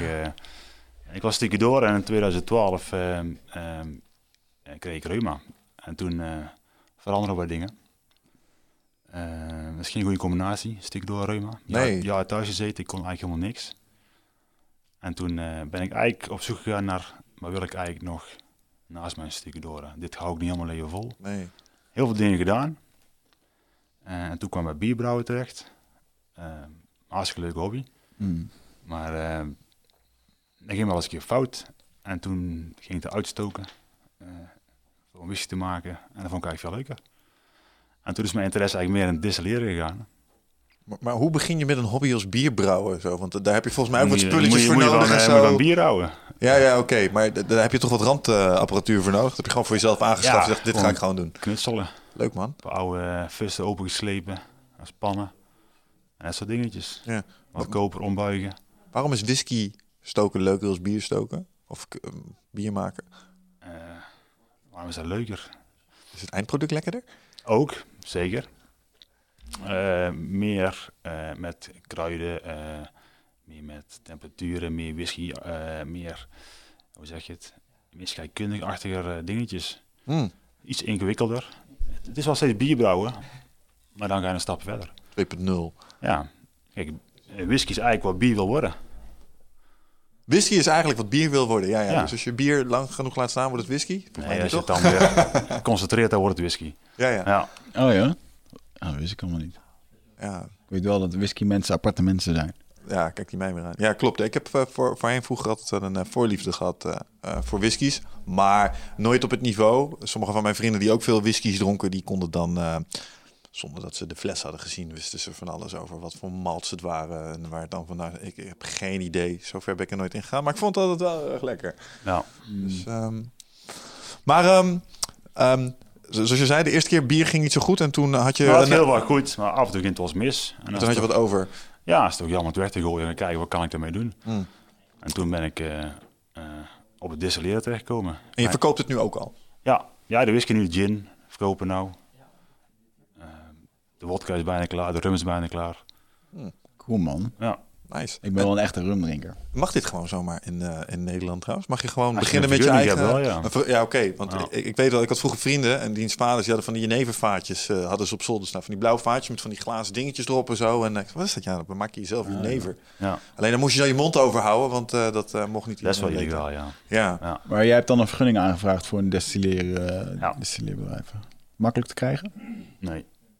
Nee, je hebt, eh, er gaat wel een tijdje overheen eh, voordat je het eind te pakken hebt. Je Mm. moet aanvragen bij de douane, je accijnsgoederenplaats. Dan moet je een vergunning hebben voor je stookplaats en voor je ketel. Ja. Ehm, Die had je natuurlijk nog niet. die haal ik natuurlijk niet. Dus je moet, je moet wel een vergunning hebben voor je ketel, maar je mag hem nog niet hebben. Ja. Dus, Maar eh, de werk, de, lijkt mij dat de praktijk gewoon eh, is dat je gewoon zo'n ketel koopt en dan die vergunning aanvraagt, toch? Ja, ja zo zeker. ja, je moet een serienummer invullen op je vergunning, Ja, ja, ja. maar je mag hem niet hebben. Oh, zo. Is dat weer zo'n krom beleid, ja? Ja. Hilarisch. Ja. Zijn, zijn dat dure dingen? Wij zijn een keer bij een koffiestokerij geweest en toen lieten ze ons zo'n hele speciale, wat- ja, wat was het, waar ze die bonen in maakten. Toen zeiden ze ook even zo'n ding, eh, nou, kost wel iets. 10.000 of zo. Ja, ik kan me voorstellen dat met dat soort ketels, dat zijn ook volgens mij geen dingen die je zo even aanschaft bij de Nee, gamma dan kun je een klein wagen vrijen, ja, dat klopt. Ja. Ja, dus dat is wel echt een, eh, een solide investering die je moet doen voor een, eh, voor een... Dan blijft het ook geen hobbyisme meer natuurlijk. nee. Nee. Nee, het is echt wel een bewuste keuze geweest om een bedrijf van te maken, ja. En, eh, van wie, aan wie verkoop je dan nu al? Kroegen of zo? Eh, kroegen, restaurants, eh, groothandel. Ah, En dan moeten we steeds verder uitbreiden. En Wat is jouw, eh, waarom kopen we jouw gin of jouw eh wodka rum? Waarom? eh, Wat is jouw flavor? my flavor. Of eh, ja, wat is jouw ding? Waarom, eh, wat maakt die van jou specialer dan anderen? Nou, ik denk niet zozeer de... Het is natuurlijk wel een goede gin. Eh, het gaat meer om de belevenis samen. Wij maken gin om samen met vrienden te drinken. En daardoor lekkere verhalen te krijgen. Dat is de motivatie waarom ik mijn dingen maak. Mhm. Niet zozeer om drink gin, maar ik denk dat drank verbroedert en samen een mooie whisky drinken met vrienden. Eh, en dan komen mooie verhalen los. Ja, Ons slogan is Every Bottle a Story. moet je wel goede whisky hebben. Ja, dan moet je wel goed whisky hebben. Wordt het vechtpartijen. Anders ja. Maar je hebt geen slechte whisky, alleen betere whisky. Ja. Je hebt whisky en betere whisky. Ah, ja. Ja. Kun jij mij eens een keer als iemand die dat nooit helemaal goed heeft eh, begrepen... wat is nou het verschil tussen bourbon en whisky? Want eh, dat schijnt een soort van heiligschennis te zijn als je die twee Ja, met elkaar... eh, Bourbon is voornamelijk van mais gemaakt. Oké, maar het zijn wel soortgelijke... Het is familie van elkaar of zo, toch? Ja. Bourbon is minimaal 51% mais. En single malt is minimaal eh, ja, van gewoon graan gemaakt, van mout. Waarom kijken whisky-drinkers er een beetje op neer? Of eh, is dat onterecht dat ik dat zeg? Ik denk als je een hele goede bourbon hebt, die kan je ook gewoon in de 100 euro's laten lopen, toch? Toch? Ja, volgens mij wel. Zeker. Ja. Ja. Ja, ik kan me wel voorstellen. Een beetje uh, bourbon, maar eigenlijk een beetje zo'n beetje zo'n oude lullen dingetje, weet je wel. Ja, ik wil zeggen, dan heb je zo'n groot glas, maar dat is cognac volgens mij. Dus, eh, Ja, dat is het toch. Is- Ah, dan zie je, ik ben hier ook helemaal Ik- niet ik thuis. Ik, weet, dacht eh, dat je het daarom daar zo'n groot Nee, glas nee, wat je dan nee, zo nee. tussen je, vingers houdt en dan. ben- ben jij ook zo'n puriste die ijs eigenlijk een beetje heiligschennis vindt in je whisky, of niet? Ik, drink- ik doe het niet, maar voor mij mag het. Het mag wel. Als jij het lekker vindt. Ja. ja sommige mensen dan, eh, dan neem je zo'n whisky van Ja. eh, 40 jaar of zo. En dan eh, zit er iemand naast en die, en die, die, die ziet je dat dan on the rocks nemen. En die wordt dan echt heel boos op je. Want dat kan niet. en Het is En wel 40 jammer natuurlijk, maar Ik ken iemand die echt eh, ziekend miljonair was. En die eh, bestelde bij de duurste restaurants van die vijf sterren. Dan bestelde die gewoon een whisky colaatje. dan bestelde hij gewoon een whisky van 300 euro, weet je wel. Cola erbij, omdat hij het lekker vond. En dan kreeg hij ook altijd, eh, zelfs het restaurant zei dan van, dat kan je eigenlijk niet doen. Hij zei, ja, als ik het toch lekker vind. Mm. Eh, luxe positie is dat. Ja, ja, zeker. Ik vraag me trouwens wel af hoor, of het verschil bij die high-end whiskies. Of je op een gegeven moment, eh, ik heb een keer voor mijn 30ste verjaardag heb ik mezelf een 30 jaar oude whisky cadeau gedaan. En eh, toen kreeg ik op dezelfde verjaardag van iemand anders een anders, andere fles whisky. Heel eerlijk, ik kan het verschil niet zo goed proeven. ik weet wel dat, ze, dat de flessen verschillen in prijs. Maar als je me ze de glazen blind had gegeven en ik had moeten zeggen, dit is de dure en dit is de goed. de meeste niet hoor. Nee hè? Nee. Nee. Denk je niet, als je echt een wijnkenner... Je... Nou, ik, kan, ik denk dat Je je, kan het wel kan leren. ja, ik denk dat het zeker kan het niet. ontwikkelen. Dat is iets anders. Ik ben ervan overtuigd dat, wel. dat als we zo'n whiskyproever hier in de studio halen, dat hij... eh, Ja, maar deze man maakt het en die kan het niet eens. Ja, maar is, het- is maken is wel anders dan zo'n whiskyproever natuurlijk. Zeker. Ik was naar zo'n, eh, disti- ik ben één keer in Schotland naar zo'n eh whiskybrouwerij geweest. En ik weet nog dat ze daar met name, daar zijn ze dan helemaal trots op het water waarmee ze het maken, uit eh, die specifieke Glen of wat dan ook. Maar waar ik ook een heel verhaal over, eh, en dat schijnt er ontzettend veel toe te doen, in wat voor een hout je whisky vervolgens stopt. Of het kersen, appel of weet ik veel wat voor soorten hout. En ook wat er, dat wist ik dus niet. Wist je dat die vaten worden hergebruikt? Als je, als je dus, wist- ja, nou nee, dat lijkt mij helemaal niet logisch, want daar heeft een product in gezeten. Dat heeft daar al jaren in gezeten. En nou is dat vat leeg. Ga je het dan nog een keer gebruiken? Nou, het antwoord is dus blijkbaar ja. En dat doet ook een boel met de smaak. eh. ja. hebben Gebruik nou jij waar we nou gin hebben in hebben le- ge- gelegen. Dus al die kruiden zitten in het vat. En hebben we nou eens rum in gedaan. Dus die rum gaat weer werken met die, met die gin. Ah ja. Een soort eh, spiced rum eigenlijk. eh. Kan wel echt goede flavors maken. Ja. Ja, dan krijg je hele specifieke, exotische Op een whisky mag je combinaties. verder niet spelen met de smaken, maar met het vat wel. Als je er sherry in doet en dan whisky in gooit, of je doet er port in en dan whisky, Mm. ja, daarmee kun je spelen. Ah, interessant. Hoe bedoel je, je mag niet spelen met eh, de smaken als het gaat om whisky? Is het Nou, zo'n strak recept? Het is gewoon graan. Oh, zo. Je mag er niks toevoegen. Want dan gaat het proces een stuk of zo. Dat is geen single malt whisky. Ah, Oké, oké. Zie zoveel weet ik ervan. Lachen. Ja, Hoe kwam jij hier zo, eh, ja, via het bierbrouwen, hè? Daar hadden we het eigenlijk al een klein Ja. beetje. mijn reuma. eh even kijken naar wat ik wel leuk vond. Eh bierbrouwen. Ik ben toen echt een heel pad op gegaan. Wat, ehm, eh, ik kon natuurlijk niks. Ik was te zwaar. Ik Ja. niet. Ik woog 120 kilo. Ehm, er moest wat veranderen. Ik moest anders omgaan met mijn eten. Eh, ik ben toen gestopt tijd met gluten. Dat ging toen heel goed. Ik ben Mm. meer gaan bewegen. Mhm. Eh begon met hardlopen. Want wat zei je, je woog 120 kilo? Ik woog 120 kilo. Je zei nou, nou max 85, misschien tegen de 90 net 90, of zo? Ja, 90. ja, zoiets. Maar Ja. netjes gedaan, man. Goed, Ja. goed zo. Drie keer per week hardlopen. Eh, in 2014 de marathon van New York gelopen. Klasse. hè? Als je het ook keer moet lopen, dan meteen in New York. Hè? Doe het maar echt, ja. Ja, ehm, dat soort dingen. Je hebt natuurlijk ook begonnen met persoonlijke ontwikkeling. Van een kameraad mij het boek eh, Think and Go Risky gekregen. Ja. Drie keer uitgelezen achter elkaar. Ja, en toen begon het pad eigenlijk op, eh, op dat vlak. Ja. Ehm, Mm. uiteraard gekeken naar een betere versie van het boek. Eh, het boek van Mike Plagic eh, kwam toen eh, op mijn pad. Moet dat dat ook een beetje een aanknopingspunt met eindbasis geweest destijds voor jou? Ja, ja. Eh, dat gaan volgen. Ehm kwam ik weer natuurlijk tegen bij, eh, bij Michael. Ehm, Je bent zijn posterboy, hè? Beetje. Mm, Ja, ik zie mezelf Hey, je bent, je bent wel eens een casus daar. Zo van, kijk, ja, zo kan het ik ook. Ben een, ik ben een geslaagde business case. Ja. ja. Ja. En toen mijn eindbazen gaan luisteren. Ik moest elke week naar België, naar, eh, naar school eh, in Hasselt. Een uur heen, een uur terug. Dus ik had precies mooi genoeg om één podcast te luisteren. Ja, Dus eigenlijk heel het jaar door podcast geluisterd. Ehm, ja, en toen ook het, het ayahuasca kwam toen op pad en dat soort dingen. Mm. Ceremonie gevolgd. Hartstikke mooi. ja goed gehad. Ja, ja. Hard moeten werken of viel het mee? Ik viel best mee. Oké. Ja.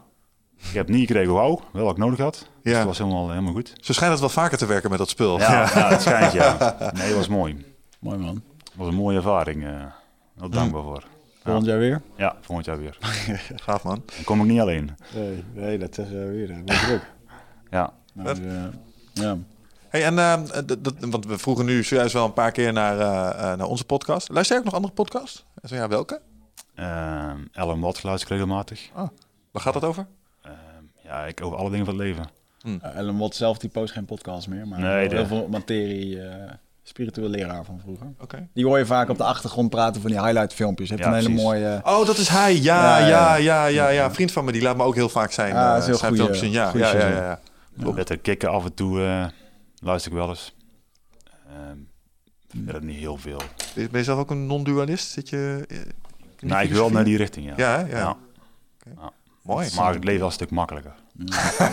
ja, vooral in je interacties met anderen. Want ach ja, zij kunnen er ook niks aan doen. Ja, ja, het is wat het is.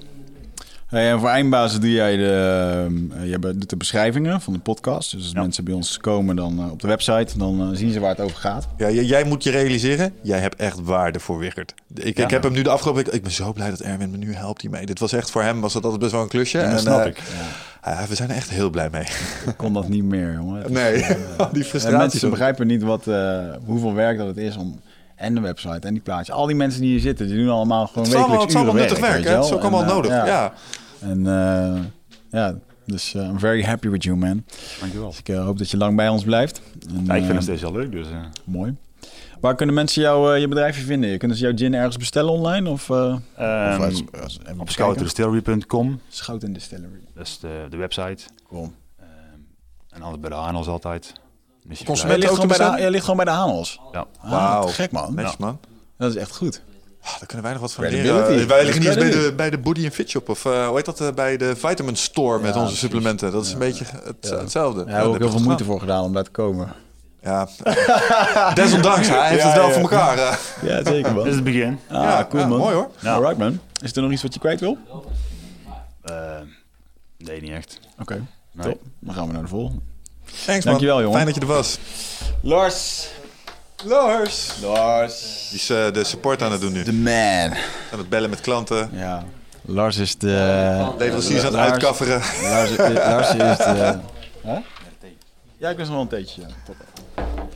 Anders Lars die is onze oudste bij in de Yeah. Beehive. Ja, ik zat ook aan even te denken van wanneer ben ik erbij gekomen en ik denk, ik zou niet eens weten, want Weet je nog hoe ik jou heb gevonden? ja, via Upwork. En ja, het- Odesk heette dat toch of zo? Of, eh, ja. Ja, dat kan best wel zijn dat het toen ik nog dacht, gewoon ik zo moet een virtuele assistent hebben. Ik moet zo'n Indiër hebben. Die, eh, Weet je wel, daar had ik Tim, ik ze- daar had ik Tim Vers over gehoord, die dat dan eh, deed. En nog een paar andere. Ik weet niet wat ik... In eerste instantie was het volgens mij met plaatjes en fotobewerking of zo. En eh, toen reageerde er in één keer een Nederlander uit de Filipijnen. Oké, ik denk nou handig. Dan, eh, ja, toen zijn we een beetje in contact gekomen. En toen stond die dingen te voor ons te doen in één keer. Ja, nu is het meeste eigenlijk doorgeschoven naar het zusje Nutrofit, maar voorheen was het wel meer eh, eindbazen en ja, Ja. plaatjes en afbeeldingen Ja. en Zat je ook nog echt op de Filipijnen? Sorry? Zat je toen ook echt op de Filipijnen? Ja, ik zat toen eh, met 1 MB zat ik gewoon jullie werk te doen. Ja, daar staat me nog wat ja, van ja. bij, ja. Ja, dit is wel een mooie. Dit is echt typisch iets wat volgens mij alleen in 2017 kan. Want eh, jij werkt al, nou, al drie jaar met ons samen ongeveer. Volgens mij is het de eerste keer dat wij elkaar fysiek zien, of niet? Ja, Wigert heb ik wel eens een keer Ja. eerder gezien, maar Michel nog niet. Ja, we hebben echt veel contact gehad, bijna dagelijks. En Ja, dit is de eerste keer dat wij elkaar in de ogen kijken. Ja? Ja. Is dat, ik dacht dat jullie elkaar een keer al Nee, hadden gezien. nee, nee, nee, En dat nee. is echt hilarisch. Ja, dat gewoon... eh, ja, ja, wij hebben elkaar een keer eerder gezien. En hij doet ook echt belangrijke dingen voor ons. Dus eh, Ja, ik bedoel, want uiteindelijk doe jij een hele hoop taken voor ons bij Nutrifit. eh, customer service. Af en toe bestel je orders. Als ik een keertje 1 MB eh, verbinding heb in Bali en zo, dan eh, maak je dingen voor mij in orde. Dus eh, je, je doet echt veel. En het mooie is, ik zeg altijd tegen, of we zeggen altijd tegen elkaar, die Lars, dat is eh, 23-jarige Wiggert. En dat komt omdat toen wij, als je drie, toen wij 23 waren, deden we ook alles. En konden we alles. En veel. dat is heel grappig. En Dus vonden ik- we ook ergens iets van. En daar waren we ook niet bang om daar iets van te zeggen. dus het is mooi. hè. Jij geeft ook af en toe gewoon eh, ja, jouw ongezouten mening over dingen. Maar je doet dingen lekker snel en ik eh, moet er altijd wel om lachen. Realiseer je dat, dat jij daar voor je leeftijd toch wel eh, soms... nou, brutaal vind ik niet helemaal het juiste woord. Maar je hebt wel een soort verbale voortvarendheid en je pakt dingen makkelijk aan en zo. Die ik je leeftijdsgenoten, die zouden dat of iets stroever doen of misschien helemaal niet. Hoe oud schatten jullie nu Ja, maar trouwens? Want nu zeg je dat hij heel 23 en ik denk eh, Ja, want ik hoor net... eh, de- ik- hoe oud ben je dan? 28. 28. Nou, dan nog. Dan nog Ja, heb je een Ja, bepaalde vind ik nog. Vind ik ook nog ja. steeds. Dat je, Kijk, Ik, ik ben op een moment, dus een keer op 18 ben ik het land uitgegaan. En toen kwam ik ook mensen tegen die zeiden tegen mij van... Ja, je bent met dingen bezig, daar moet je niet mee bezig zijn. Daar ben je veel te jong mee. Je moet Aha. dronken worden en blowen en kloten. en ik zoiets, ja, maar dit is best wel belangrijk voor mij. Want dit, dit trekt mij aan. Waar was je toen mee bezig? Ja, gewoon vragen met van wat moet je met het leven doen? Waar ga je heen? Wat ga je doen? Wat, eh, wat, wat, ja, wat heeft het allemaal te maken met, met het uiteindelijke doel wat je gaat bereiken? ja. En ja, toen merkte ik al van heel veel mensen die vragen of die stellen die vragen zichzelf helemaal niet. En ik was er wel mee bezig. En ik denk van ja, maar. eh, en dan kom je dus uiteindelijk in, in kringen waar je dus tussen gasten van 50 zit. Die allemaal al een leven hebben opgebouwd en vrouwen en kinderen en, en, en bedrijven achter zich hebben. En dan denk ik, ja, maar ik zit hier gewoon echt als 21-jarig, 22-jarig pikkie. En ik, ik doe maar gewoon alsof ik mee kan doen. En uiteindelijk zie je dan, oh ja, jullie vinden mijn mening wel interessant. Of in ieder geval wel waardevol. Verbazingwekkend hoe ver je kan komen, hè? Met gewoon doen alsof. Ja, nou ja, dat is ook een beetje zeg maar Richard Branson achter. Zeg gewoon ja en ga gewoon doen. En dan, dan verzin je later wel of het, of het wel of niet klopt. En dan denk je, oké. eh, En als je met, een beetje met die instelling doorgaat, denk je van, oké, dat gaat wel ergens komen. En Ja. Ja, en ooit kom je in de situatie, klant dreigt met opdracht. En dan moet je gaan leveren en dan, eh, dan begint het werk.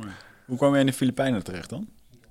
ja, n- Gevlucht voor was- justitie. Maar jij bent nu Nee, voor, nee. uit de Filipijnen hier gekomen, toch? Voor deze podcast ook? ja, helemaal. We hebben zeg maar, gisteren zijn we uit Hongkong vertrokken. Nee, nee, ik woon nu gewoon in Nederland.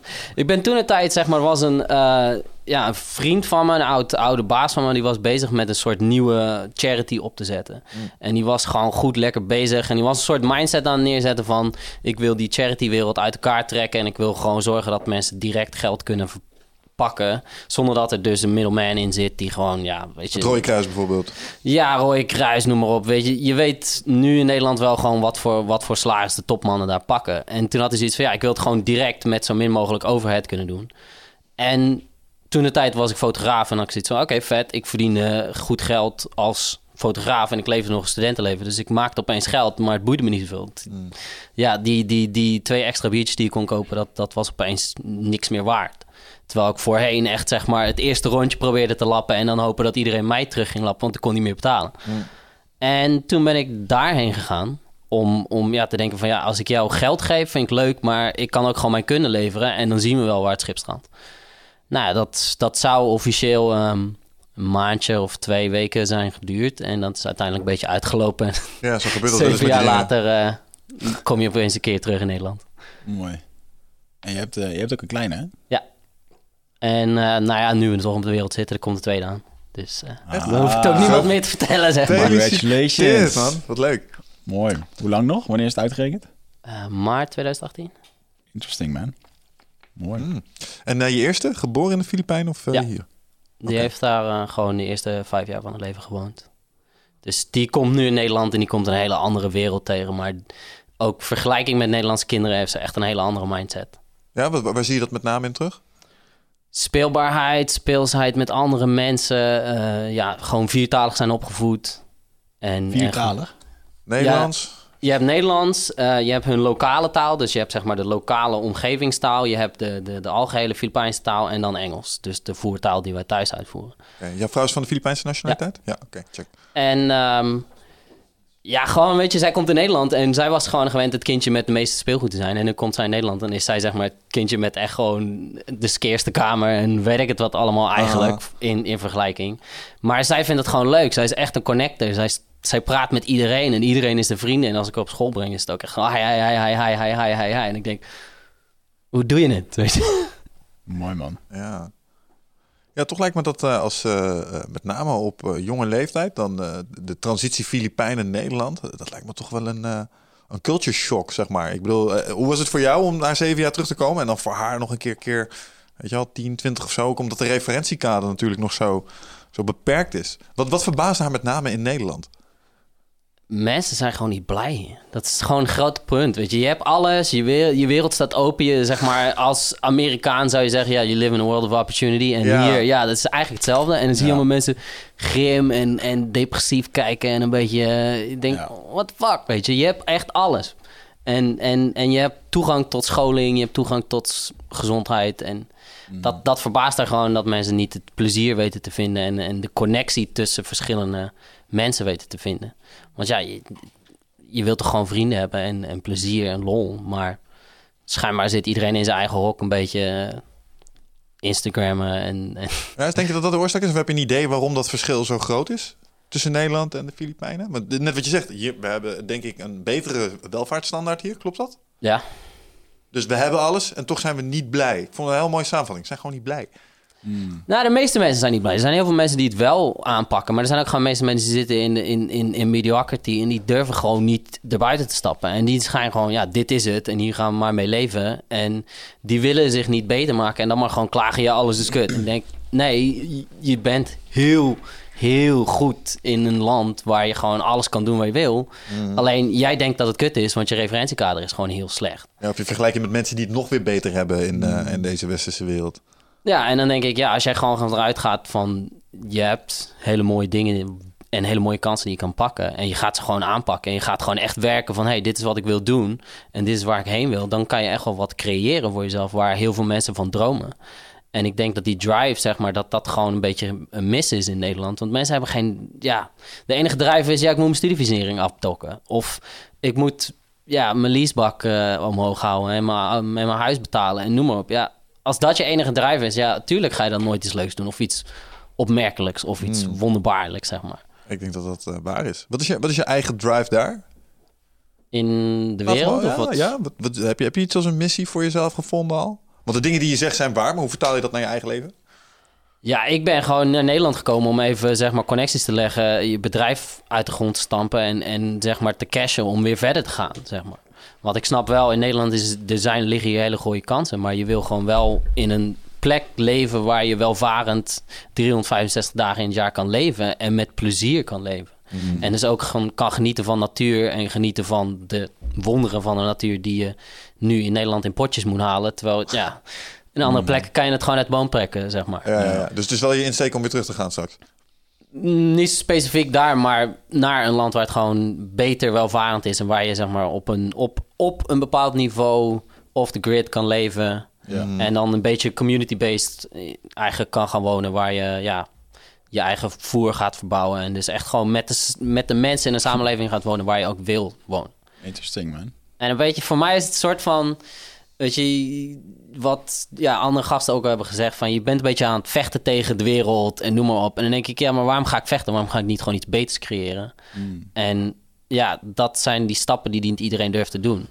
Van, hey, oké, ga het gewoon doen en oké, let's go with it. En je ziet wel waar het gaat, uiteindelijk gaat komen. En er zijn allemaal van die communities eigenlijk aan het ontpoppen in, in Bali en Costa Rica en noem maar op. En dat zijn eigenlijk, ja, daar, daar gaat de nieuwe wereld eigenlijk naartoe. Want wie wil er nu nog 9 tot 5 in, de- in, in de file staan? Ja, niemand. Ik bedoel, ik reed hierheen. Ik zit nooit in een auto. Ik, ik moet naar mijn werk vijf minuten fietsen. En anders zit ik gewoon thuis achter een computer. En dan zit ik hier in de file en denk ik echt van... Wie heeft deze mierenhoop Ja, ontwikkeld? zeg De maar. zevende cirkel van de hel is het. Het is, eh, ja. Niemand, niemand wil dat uiteindelijk, maar toch doet iedereen het. Ja. Ja. Ja, daar zit wel wijsheid in een paar van de dingen die je, die je zegt, man. En ik denk dat, eh, ja, man, als iedereen het echt voor het zeggen had, dan zou iedereen ook wel eh, het liefste op zo'n manier leven zoals jij eh, omschrijft. Dus eh, Ja, ik vind het wel dapper.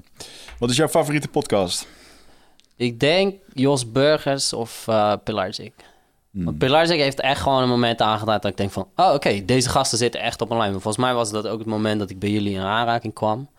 En ik werkte toen voor een spiritueel healer als marketeer. En toen zat ik te luisteren en ik denk... Deze gast, zeg maar aan de andere kant van de wereld... heeft het gewoon nu over die gast waar ik nu mee zit te werken. Dit, dit, kan bijna ja, geen toeval die- wezen. Dit kan gewoon geen toeval wezen. Dus dat Ah, was wel wist een, niet, vaag moment. Wat vet. Dus Michael had het over jou, eh, de- degene waar je op dat moment voor werkte. Ja. Cool. Hij, hij heeft het echt een beetje tussen neus en lippen. En ik denk van ja, maar er zijn er niet zoveel die op een hoog niveau, zeg maar, dat soort klanten benaderen en hebben. En dan denk ik van oké, dat. En ik vraag hem van oh ja, ja, dat is gewoon een maat van me. Oké. Grappig, man. Kleine wereld, toch? Ja, Stiekem. de spiritual network. Ik denk het wel. Ah, cool. Alright bro, ik hoop dat je nog lang bij ons blijft eh, plakken en dat we het mooi kunnen uitbreiden. Wij zijn eigenlijk al iedere keer aan het uitbreiden. Ja, man. En je doet steeds meer. Steeds dieper die organisatie. eh, Ja, je zit er helemaal vast te wurmen. En op een gegeven moment, we kunnen straks niet meer, eh, niet meer zonder. Backbone. Dus ehm, Goed gedaan. ja, goed gedaan. Strategie, hè? over strategie gesproken. En neemt de tent straks over en verkoopt die Nutrifit. Dat is het meeste plan. eh. Dat is de- Ja, wat is het? Seth Godin, hè? Maak jezelf onmisbaar. Dat is natuurlijk de bedoeling. Hè? Ja, keep it up. You're doing a great job. Dus, Yes man, wil je nog iets kwijt? Ja, het is leuk om te horen. Gewoon voor een eerst, ook omdat ik Michel nog nooit heb gezien, dat zeg maar toch wel waardering is voor wat ik doe. Want ja, uiteindelijk zit ik ook maar gewoon een beetje achter een computer en denk, oh oké. eh, maar ja, is je het. houdt wel bepaalde dingen gewoon in stand. Dus. Ja. Ja, cool man. Dan denkt natuurlijk iedereen dat hij zijn dag begint met standaard een portie, zeg maar, eh, de, hoe heet dat, op zijn kop krijgen van Michel Veert. Eh, Dat is weer kut, die jongens doen het We niet. zijn erg vrij. eh. Ja, man. Ja, mooi. Nee, leuk. Ja. Thanks, man. Thanks. Wie hebben we dan? We hebben er nog. Nog eentje. The Ah. last of the Mohicans. Mr. Joost. Mr. Flying Armbar, moet ik zeggen. Dat stond jou bekend, hè? Ja, klopt ja. Vliegende armklemmen deed deze man. Ja, dat was al een tijdje terug. Doe je niet meer? Eh laatste twee jaar niks meer gedaan eigenlijk. De microfoon iets eh, naar je Oh. toe draaien? Ja, top. Ja, want jij deed, jij deed altijd Brazilian Jiu-Jitsu of gewoon MMA? Grappling. Grappling. Ja, Oosten des Lands toch ook, als ik me niet vergis? Sorry? De Oosten des Lands toch ook, als ik me niet Ja, vergis? ja, in Enschede. Welke- Bij, bij eh, Angelo? Angelo Gym, Ja. ja. Nog les gehad van Roy van der Wal, of niet? Ja. Ja, ja, ja. ja. Monster is dat, Heb ik, eh, heb ik veel aan te danken, ja. Ja, dan heb je het werpen waarschijnlijk wel eh, goed onder de knie gekregen. Ja, absoluut. Ja, Goede doka. ja goede al, ja. Wedstrijden gedaan ook? Eh, Jij? Grappling. Gra- Grappling-wedstrijdjes? Ja, ja, ja, oké. Ja, daar deed hij ook die Flying Armbar. Oh, daar was hij van, ja. Ja, in Ede. Hè? In Ede heb ik dat wel een paar keer gezien, ja. Ik krijg altijd het gevoel dat ik dit moet weten, omdat ik natuurlijk die website eh, destijds had. Maar eh, Mixed fight. ja. Oh, nee, ja. Ja, Ja, dat heb ik ook nog gepost, hè? Ja, Ja, we zijn hier drie, drie mixfighters aan tafel. Ja? Ja. Old school, Ja. Hoe oud ben jij? 32. 32. Ja. Nou, dat schelen we niet zoveel. Maar Ja, dat is zo'n troll als jij. eh. Waarom moet het iedere keer naar boven gaan? Omdat omdat was het een trauma ik is. was gewoon- Ik was gewoon een actief lid. Ik hield jouw forum in leven. Mensen kwamen terug voor mijn reacties. Ja.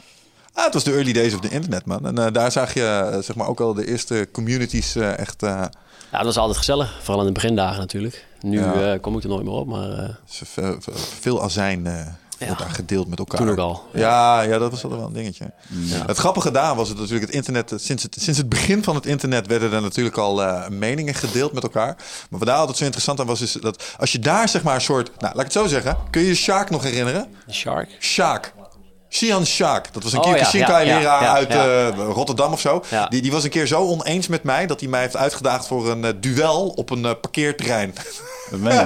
Maar die is inmiddels al overleden, toch? Of niet? Is dat zo? Sjaak? Sjaak is niet overleden. Nee, toch? Nee. In ieder, geval een troll of zo. Nee, ehm, oh, nee, dat weet ik niet. Ik weet wel dat toen de tijd zijn, zijn maatje Max, die had ook een gym in Arnhem. Ja? Die, die kampte wel met iets van gezondheid eh Nou, probleem, maar ik weet niet of hij overleden is. Die pendekar, die was toch overleden? Penda Carré, ja. Ja, die ja. Ja, ja. ja, die. ja, dat was hem. Die is doodgeschoten door de politie. Dat was een verhaal, hé. Volgens mij, eh, als ik het goed heb begrepen. Maar dat was een man die eh, had zijn eigen vechtsport eh, uitgevonden. Ja. Iets in Vietnam en had hij ook lang gewoond en zo. ja, en, een, en die ging gewoon, eh, die zei dat dan allemaal hoe dat hij dan eh, mensen met energiestralen en dingen kon. ik weet niet wat hij allemaal deed. ja. En toen ehm, zijn er een paar mensen naar. Of hij, Hij is, is- hij is hij is- uitgenodigd. en Hij is gewoon naar Arnhem gegaan, naar de Ja. gym van Max toen de tijd. En Max heeft hem eh, toen eh, opgenomen van, nou, laat maar zien dan. En Max, best wel groot kerel, weet je wel, ook zo'n karate-leraar. Ja, ja, ja. En Ja. wat hij probeerde, het werkte niet. En het zag er niet uit. En Max, ik moet, ik moet zeggen, die deed dat best wel elegant. Want je had hem daar ernstig te kakken kunnen zetten. Mhm. Ja. Dat deed hij niet helemaal. Ja. Maar er was toch ook wel een soort van eh, niet te misverstaande grijns. ja, precies. Ja. Ja, maar ik herinner me ook nog een verhaal van een andere gozer die, eh, die hem gewoon in een park in Amsterdam heeft opgezocht. Ah, ik ben zijn naam kwijt. Ja, vroeger had je, vroeger Nou, kon die- dat nog. maar jongen. die- dat, dan deed hij het. Maar kom op, hé. Gewoon met een of andere dude die je op internet, eh, die niet, waar je het niet mee eens bent, en zegt: Nou, kom maar, dan gaan we wel naar een park in Amsterdam en je gaat daar met z'n tweeën heen. Dan, Ja. ah, ik ben zijn naam kwijt. Van die was best een normale, ja, een, hij was redelijk normaal op het, eh, eh, op het forum in zijn spraak en dat soort dingen. Ik weet even niet meer wie het was. Maar ik weet uiteindelijk dat hij, eh, wat ik heb vernomen, was dat hij psychisch ernstig in de war was. Ja. dat hij, eh, ik Ja, geloof dat met een mes wel, op de politie is afgelopen. En eh, de politie heeft hem neergeschoten in ons. Nou, ik, ik weet nog dat we daar nog filmpjes van maakten, highlightjes. Ja, we waren jongen, we dachten er eigenlijk ook niet echt over na, weet je wel. En we deden dat gewoon. Maar dat hij met zo'n, weet ik nog goed, dat stond hij met zo'n mes zo. en Zo'n, Oh, dat ja. je zo'n mes zo, net als een ninja, zo met Ja, de ja. Stond hij zo voor de camera zo, weet je wel. Dat ik Ja, dacht, ja, ja, ja, ja, ja, ja. Hij stond inderdaad highlight. Hij stond dat te vloggen toen, we Ja. nog niet, toen het nog geen vloggen heette. En Klopt, hij ja. maakte muziek, dat weet ik ook nog. Oké, nou, dat was Ja. in ieder geval eh elkaar. Toen hadden we echt tijd, jongen. Dan ging je er echt achteraan en Ja. dan ging je dat uitzoeken. En was je daarmee bezig. Ja, hoe van. kom jij bij eindbaas Ja. terecht, jongen? Ja, hoe kom ik er eigenlijk eh, bij? Ehm, ik luister al enkele jaren net zoals jullie eh, naar Joe Rogan. Groot fan. Goeie smaak. Nog steeds. smaak, ja. Leuk. Af en toe krijg ik krijg niet alles mee. Dat is Nee, te dat veel. is heel veel tijd. Ja. Vier per, per week of Maar zo. die, die, die filmpjes die je op YouTube ook ziet, die korte, korte stukjes over onderwerpen, die pik ik dan eh, tussenuit. Dat is wel heel handig. Dat gaan we met eindbaas ook doen natuurlijk. Uiteraard.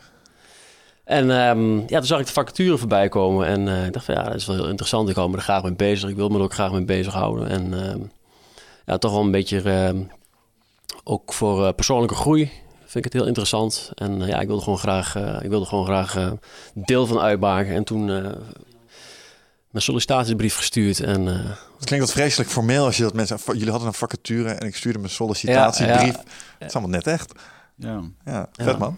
Ja, en toen eh, een week later belde Wigert mij op en eh nou, kort gesprekje gehad en eh, Klikte wel. ja, dat klikte wel. En, Ja, want op jouw eh, ding hadden we wel heel veel reacties toen, dat weet ik wel. Maar ik weet, ik weet ook nog dat ik jou wel kende vanuit het... Ik denk, hey, ik ken die gast vanuit het vechtsportwereldje. ja, Draclinho. En, Zijn wij ook niet even kort aan elkaar gekoppeld geweest toen door Samuel? Bedenk ik me net. Samuel? nee. Of is dat iemand anders? Verwar ik hem nou met iemand? Is ook Nee. iemand vanuit... eh, Wel van de Mixed Fight dag, denk ik. Nee, Ah, nee. ik had twee dingen door elkaar. Sorry Nee, man. nee, ja. Ja. Ja, lachen man. En nou, eh, wat jij eigenlijk doet, jij doet ook wel een beetje een allround ding natuurlijk. Of jij verstuurt de nieuwsbrieven. Ik zorg dat eh, YouTube helemaal klaar staat. Dat er eh, de website, eh, of dat de podcast op de website komt. Met eh, foto's en eh, dat soort dingetjes. En een beetje van het organiseren van eh, laatste tijd van... eh, wanneer komt hij online en eh, wil je dit doen, Ja. wil je dat doen. Ja. Vind ik wel Ja, erg leuk. Dus je eh, bent meer projectmanager aan het worden. ja, ja. ja, nou ja, naarmate zeg maar, het uitbrengen van podcasts eh multidisciplinairder wordt, eh, Mhm. heb je- moet je ook, ja, dan moet wel over gecommuniceerd worden. We merken het nu ook met de, de marketinguitingen Ja. eindbazen, Nutrofit. zijn verschillende mensen die zich bezighouden met verschillende eh, zeg maar mediakanalen. Mhm. Eh, er is in toenemende mate een behoefte aan eh, coördinatie inderdaad. Ja. Ik had dat echt niet gedacht, jongen, toen we eraan begonnen... dat je er zo'n organisatie omheen zou moeten optuigen. Ja, dat, maar dat groeit alleen maar. Dus dat is alleen maar. En toch deden we het allemaal zelf. In het begin. Ja, ja, ja, zeker, zeker. En eh, dat is misschien ook de reden waarom we soms één keer in de drie weken, één keer in de drie weken releasen. Maar als je het gewoon iedere week wil doen, dan eh, Ja, Mm. is dat niet meer word je er druk mee. Hmm. Wat is je favoriete podcast? Ehm, ja, van Michael Pilarczyk vind ik heel erg leuk. Eh, Jan, Jan Geurts vond ik ook heel goed. Eh, de verhalen van Alistair, natuurlijk. Tuurlijk. Ja. Gilbert Eiffel, Ja, ja, ja. Blijft leuk. Old Klassiekers school. zijn old school. En, ehm, en het laatste verhaal van, ehm van ja, Isha vond ik leuk. Interessant. Dat is wel bijzonder. Vind je die hoek ook, eh, zeg maar, de, het eh, entheogene stuk waar we het wel eens over hebben? Ben je Mhm. daarmee bezig? Ayahuasca, dat soort dingen? Ja, zeker. Ja. Ik eh, ben wel bezig met eh, ja, persoonlijke groei. En kijk, als je daar eh, ja, mee te maken krijgt, dan eh, daar sta ik er wel voor open. Mm. Dus dat, eh, daar ben ik wel mee bezig. Ja. Cool. ja. En eh, wat is de droom? De droom, ja, dat is nog een beetje. eh, ja, ik ben nog een beetje zoekende. Ik ben natuurlijk eh, marketeer voor, eh, als beroep. En, ehm, maar ik ben toch een beetje aan het kijken van, nou, wat, wat wil ik nu eigenlijk? En ik ben wel een beetje, ja, een innerlijke zoektocht van waar word ik heel erg gelukkig van. Longt het zelfstandig ondernemerschap? Of? ja, soms wel. Soms wel, Ik denk ja. er wel vaak over na, maar dan denk ik van ja, wat ga ik dan doen? En ik heb wel eens ideetjes of zo. Dan denk ik van ja, moet ik dat dan gaan uitvoeren? Of is dat het nou echt wat ik echt wil? Dus Hmm. het is ja, een beetje zoekende nog. Ja. Wat voor ideetjes heb je? Of wil je die nog even vergeten? Ik hou hem nog even. Ja, ga je voor jezelf. Ja, nee, oké, precies. ja. Ja, dus dat. eh, ja, Komt vanzelf, jongens. Ja. Zulke dingen kom je... eh, Het feit dat je nu er al mee bezig bent... Mhm. betekent gewoon dat je het antwoord nog even niet gevonden hebt. Maar Ja. je onderbewustzijn is er al mee bezig. Dus zodra die opportunity is, dan spot je hem echt wel. ja. Keep digging. Keep digging, ja. Ja, man. Ja. Digging, ja. Ja. Ja. Wat me wel opvalt, veel mensen Michael Pilacek echt een... eh, voor hun een belangrijke podcast is geweest. Zeker. Ja. Ja, veel mensen zijn ook wel. er zijn evenementen geweest door die podcast en eh, programma's. ge- Ja. Wat, wat, wat eh, in, het, eh, in, die verhalen, of misschien is het in de podcast in brede zin, is het dat je, dat je, dat je raakt, zeg maar, bijvoorbeeld die van Michael. Wat was het dat je dacht van, ja, maar damn, dit is waarom dit zo vet is. Nou, dat je toch wel. ehm, je, je bent de piloot, zeg maar. Je, je, je- je bepaalt eigenlijk zelf van waar je naartoe gaat en welke, welke kansen je neemt en welke, eh, welke we- wegen je inslaat. En Mm. ja, dat was wel een beetje zo'n wake-up call van, nou ja, inderdaad, je bepaalt zelf van hè, welke kant ga ik op. Ja, Laat ik dingen gewoon achterwege van, dat, dat, daar krijg je energie meer van. Laat ik dat gewoon met rust en laat ik het gewoon gaan. En dan pak gewoon nieuwe kansen op. En eh, ja, je bent eigenlijk gewoon zelf eh, de kapitein. ja ik zit daar, da- daar zat ik in het begin heel tweeledig in. Want ik, ik herken dat gevoel van Mhm. vrijheid, maar tegelijkertijd ook meteen dat gevoel van verantwoordelijkheid. Zo van, shit, ik kan het allemaal zelf doen. Shit, Ja, ik kan ja, het allemaal zelf doen, weet je wel. Dus ik moet wel. Ja. Ja. waar ik de laatste tijd heel veel mee bezig ben, is het minimalisme. Ah, Dat heeft me wel heel erg... eh, ja, het, eh, ik was eigenlijk al eh, ja, redelijk verzamelaar van DVD-boxen van Lord of the Rings. Of, ja, alles verzamelen, verzamelen, verzamelen. Een beetje zo'n undercover nerd. En ehm, ja, Dat is trouwens wel een hele goede DVD-box om te bezitten. Laten ja, maar we ik, dat heb even hem, eh, ik, heb hem, eh, ik heb hem weggedaan. Dus, eh. Ja, en die, die, die documentaire, De Minimalist, op Netflix... Ja. heeft me wel echt aan het denken gezet. En ja, natuurlijk alle producten die je bezit of spulletjes... Hè, waarvan je denkt van, oh, die ligt ook al... Ik heb zo'n laadje vol met rotzooi. Of dozen vol met oude... ja, Ja. hard disk readers, dat soort zaken allemaal. Ja. Dus ik ben sinds, sinds een half jaar... Is, ja, dat, dat gaat helemaal geleidelijk natuurlijk. Heel veel spullen aan het verkopen nu. En eh, oude meuk gewoon allemaal wegdoen of weggeven aan mensen Ja. die het wel heel erg leuk vinden. Collega's bijvoorbeeld. Ik, had, eh, ik ben een keer in Las Vegas geweest. Heb ik hem van die oude speelkaarten meegenomen. Ja. Van oude casino's. En eh, nou, het ligt er maar in je lading. Ik vind, ja, wat moet je er godsnaam mee, joh. Ja. En een collega van mij, die, die spaart helemaal ja, dat soort giveaways en van casino's in de hele wereld. En die kon ik er blij mee maken, weet je Ja. dat soort dingetjes. En ik merk nu wel, hoe meer dingen ik, of hoe minder dingen ik, eh, spulletjes ik heb, hoe, hoe, ja, hoe opgeluchter ik ben, hoe helder ik me, ik ben meer helder in mijn hoofd, zeg maar. Dus dat is wel heel erg, Ja, het is allemaal afleidingen. Rotzooi. allemaal afleiding, ja. Ja, ja. Dus dat, eh, wel. Ik denk dat iedereen, dat de, de gemiddelde Nederlander die heeft dat wel zo'n la of zo'n als het geen kast is, waar Mhm. allemaal van die Ja. zooi in ligt. eh, Maar wat is het eind? Wat is jij eindstreven? Of waar is het? eh, Ja, het, het gaat natuurlijk heel ver. Hè. Het gaat ook gewoon op je mobiel. Hè. Van, eh, je krijgt zoveel data krijg je binnen. Foto's, filmpjes, gekkigheid. En ehm, ja, tot aan de keukenla, voorraadkast. eh, Het gaat eigenlijk best wel ver. Hè? Je moet niet in doorslaan natuurlijk, maar... ik, ik bewaar bijvoorbeeld de data op mijn WhatsApp niet meer. Nou, ik wou net zeggen, wat ik heel mooi vind is dat je het digitaal ook gewoon doet. Ja, ik doe het digitaal ook. Ja, ik, ik, heb eh, dan, ik, ik maak er bijvoorbeeld iets mee. eh, noem maar iets geks. eh, een weekendje weg of zo bijvoorbeeld. Met vrienden of mijn vriendin of familie. Hmm. En dan, dat sla ik dan op op de harde schijf. Maar dan doe ik het wel op datum bijvoorbeeld. Heel veel mensen die hebben het. Hè, dat gaat dan zo ver. Oh, sorry, die gaat dan zo ver.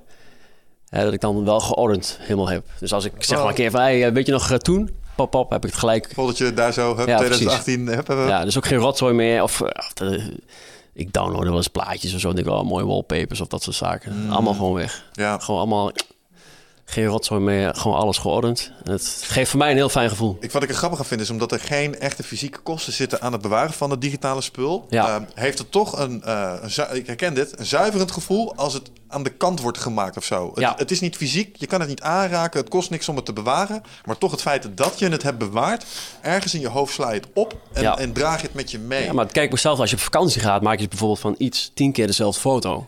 En dat sla je dan bijvoorbeeld op in een map. En uiteindelijk denk je van, ja, wat moet ik met tien keer dezelfde foto? Kijk, kijk gewoon, klik gewoon de mooiste aan en verwijder gewoon de rest. Dat geeft voor mij al heel veel rust in mijn hoofd. Maar misschien ben ik daar eh, iets Nee, te... eh, nee, nee, ik, ik denk het niet. Ik denk dat eh, een boel mensen in dat opzicht, vooral tegenwoordig, zeg maar, digitale hamsters zijn. Ja. Ik heb dat ook, ook verzamelingen bijvoorbeeld van iets. Je zegt net iemand die al die casino-spullen verzamelt. Ja. Ik heb één, één keer iets verzameld in mijn leven en dat waren Magic Cards. Als je nou, Oh, ja. als je nou voor nerds Ja, hebt. ja, jij, heb jij wel eens iets verzameld? Ja, ik, toen ik eh 12 was, verzamelde ik alles van Arnold Schwarzenegger. Oh ja, dit heb je wel eens verteld. Ja. Ja. Ja, Ja. iedere Get week to ging- chopper, ja. Iedere woensdag, weet ik nog, iedere woensdag dan kwamen die bladen binnen bij de Bruna. En dan ging ik daarheen en dan ging ik al die hitkrans en al die dingen kijken naar fotootjes. En dan kocht ik dat gewoon voor twee, weet ik, voor twee Mhm. gulden of wat dan ook. En dan had ik weer een plaatje, plakboek vol. Posters aan de muur. Posters van die poppen bij de bioscoop. Die, eh, als het dan een nieuwe film was, dan liet ik mijn naam achterop schrijven. dat Oh, ik ja. die pop kon Leg ophalen. ja. En dan eh, ging ik af en toe nog een keer checken of dat die naam niet door was gestreept Oh, je of zo. bedoelt, weet je die, die Ja, cardboard ja. dingen. Ja, ja, ja. ja, die heb ja. ik echt tot heel lang. Die heb ik, echt, ik heb echt heel lang van eh, Last Action Hero, waar die eh, gewoon zo'n grote pop waar die staat met twee van die shotguns. En zijn pistool stond die zo echt gewoon een levensgrote pop. Die had ik altijd in mijn kamer staan. Toen kreeg ik mijn eerste echte vriendin en die kwam echt in die kamer in en die schrok iedere keer van die pop. Alsof Dus dat ding kamer moest weg, ja. Ja, dus op een gegeven moment werd er echt gewoon gezegd van joh, weer het eh, ding moet eruit. En toen dacht ik eigenlijk van ja, Ik heb ineens bedacht wat hier nog wel een ongelooflijk coole prop voor in de studio zou zijn. Wij gaan gewoon weer zo'n Arnold Schwarzenegger Schwarzenegger. pop-up eh, hier ja, dat is leuk man. Een beetje van die old school vintage van die... eh, ja, we moeten Wat- zo wat- kijken. wat ik dan wel heb is- We, hebben, ik- we hebben wel eens gekeken naar zo'n grote Halo-pop, hè? weet je nog? Die, Klopt, maar die, was, eh, die moest je toen zelf opkomen halen. Ja, er was, er Oh, was ja. iets mee. We zaten te kijken naar een Samurai Armor. En toen... eh, die, dat nummer heb ik nog steeds... Dat is een mooi verhaal. Ik heb nog steeds het nummer van Samurai Sjaak in mijn... eh, Samurai Henk. Samurai Henk in mijn telefoon. Want ik had toen een eh, Samurai harnas gezien op Marktplaats. Ik heb die gast bellen en hij heel verhaal. En die wist echt superveel over Samurai shit. En eh, ik dacht, nou, ik ga je nummer opslaan. Ooit bel ik je nog wel als ik, weet ik veel, als ik een mes nodig heb. Of katana. Of, Ja. Als maar toen later, toen later zag ik die grote pop van Halo. Hoe heet die gozer? Die eh, officer... eh, Master Chief. Master Chief, ja. Wat een Ja. dikke pop was dat, man. Ja. Ja. Vet spel ook Dus, trouwens. Ja, ik heb dan wel zeg maar thuis een doos met, eh, ja, dat noem ik dan een nostalgiebox met eh oude, ja, ja, ja. oude PlayStation, Ja. Super Nintendo, weet je wel. Ah, die heb ik nog niet weggedaan. Die heb ik nog niet weggedaan. Nee, dit is wel van, eh, hè, dat zeggen ze altijd van, eh, does it give a spark of joy? Dan, dan hou ik het wel, ja. Vintage. Cool. Ik ga eens induiken in die eh, documentaire. Ja, dat is echt eh Om een belangrijk vraagje in het kader van Schwarzenegger. Wat, eh, wat was jouw favoriete Arnold Schwarzenegger film? Predator. Predator, ja, goed antwoord. En jij? Ja, ik heb al die films. Ik heb eh, vooral Commando. Ja, man. helemaal Ja, shit. geniaal. Vooral dat Met die doos op zijn schouder waar die Ja, raketten uitkwamen. Dat hij dan naar, en dan vooral het stuk waar hij dan die wapens ging halen en zo. Ja, en eh nou, Terminator eh 2 heb ik toch wel echt eh Ja, ziekelijk veel gedra- Classic. gekeken. Toen die net uitkwam, toen was ik er misschien nog wat te jong voor. Ik weet nog dat ik die stiekem best wel eng vond. Toen ik, ik, was toen toen, ik de ik was eerste toen een keer jaar of. 12. Ik weet nog dat ik toen in eh, groep 7 zat. Zat een jongetje groep 8, Kenny. Eh, Oh en my meester God. Pieter was, naar, was een heel verhaal. Meester Pieter was naar Terminator 2 geweest. Ja, ja, ja. En Kenny was ook geweest. En toen zei meester Pieter van, daar had jij niet heen moeten gaan. en, eh, dus dat was een heel ding van, oh, iedereen moet erheen. Ik vergeet het, man. Dus, toen praat je over, toen was ik groep 8. Ja, dat is echt lang geleden, man. Grappig dat dat nog zo in mijn hoofd zit. Ja. Arnold Schwarzenegger was shit voor mij. Ja, de bom. En nu nog. Ik vind nu nog een... eh, Ja, absoluut. ja. Expendables. Ja, man. Zo, leuke films dat. Ja. Alright, man. Dankjewel. Jullie ook bedankt. Ja. En eh, volgens mij gaan we de podcast eindigen, want we zijn er heen. Of biertjes drinken. Biertjes drinken. Oké, luisteraars, dankjewel. En eh, tot de volgende keer. Ciao. Ciao.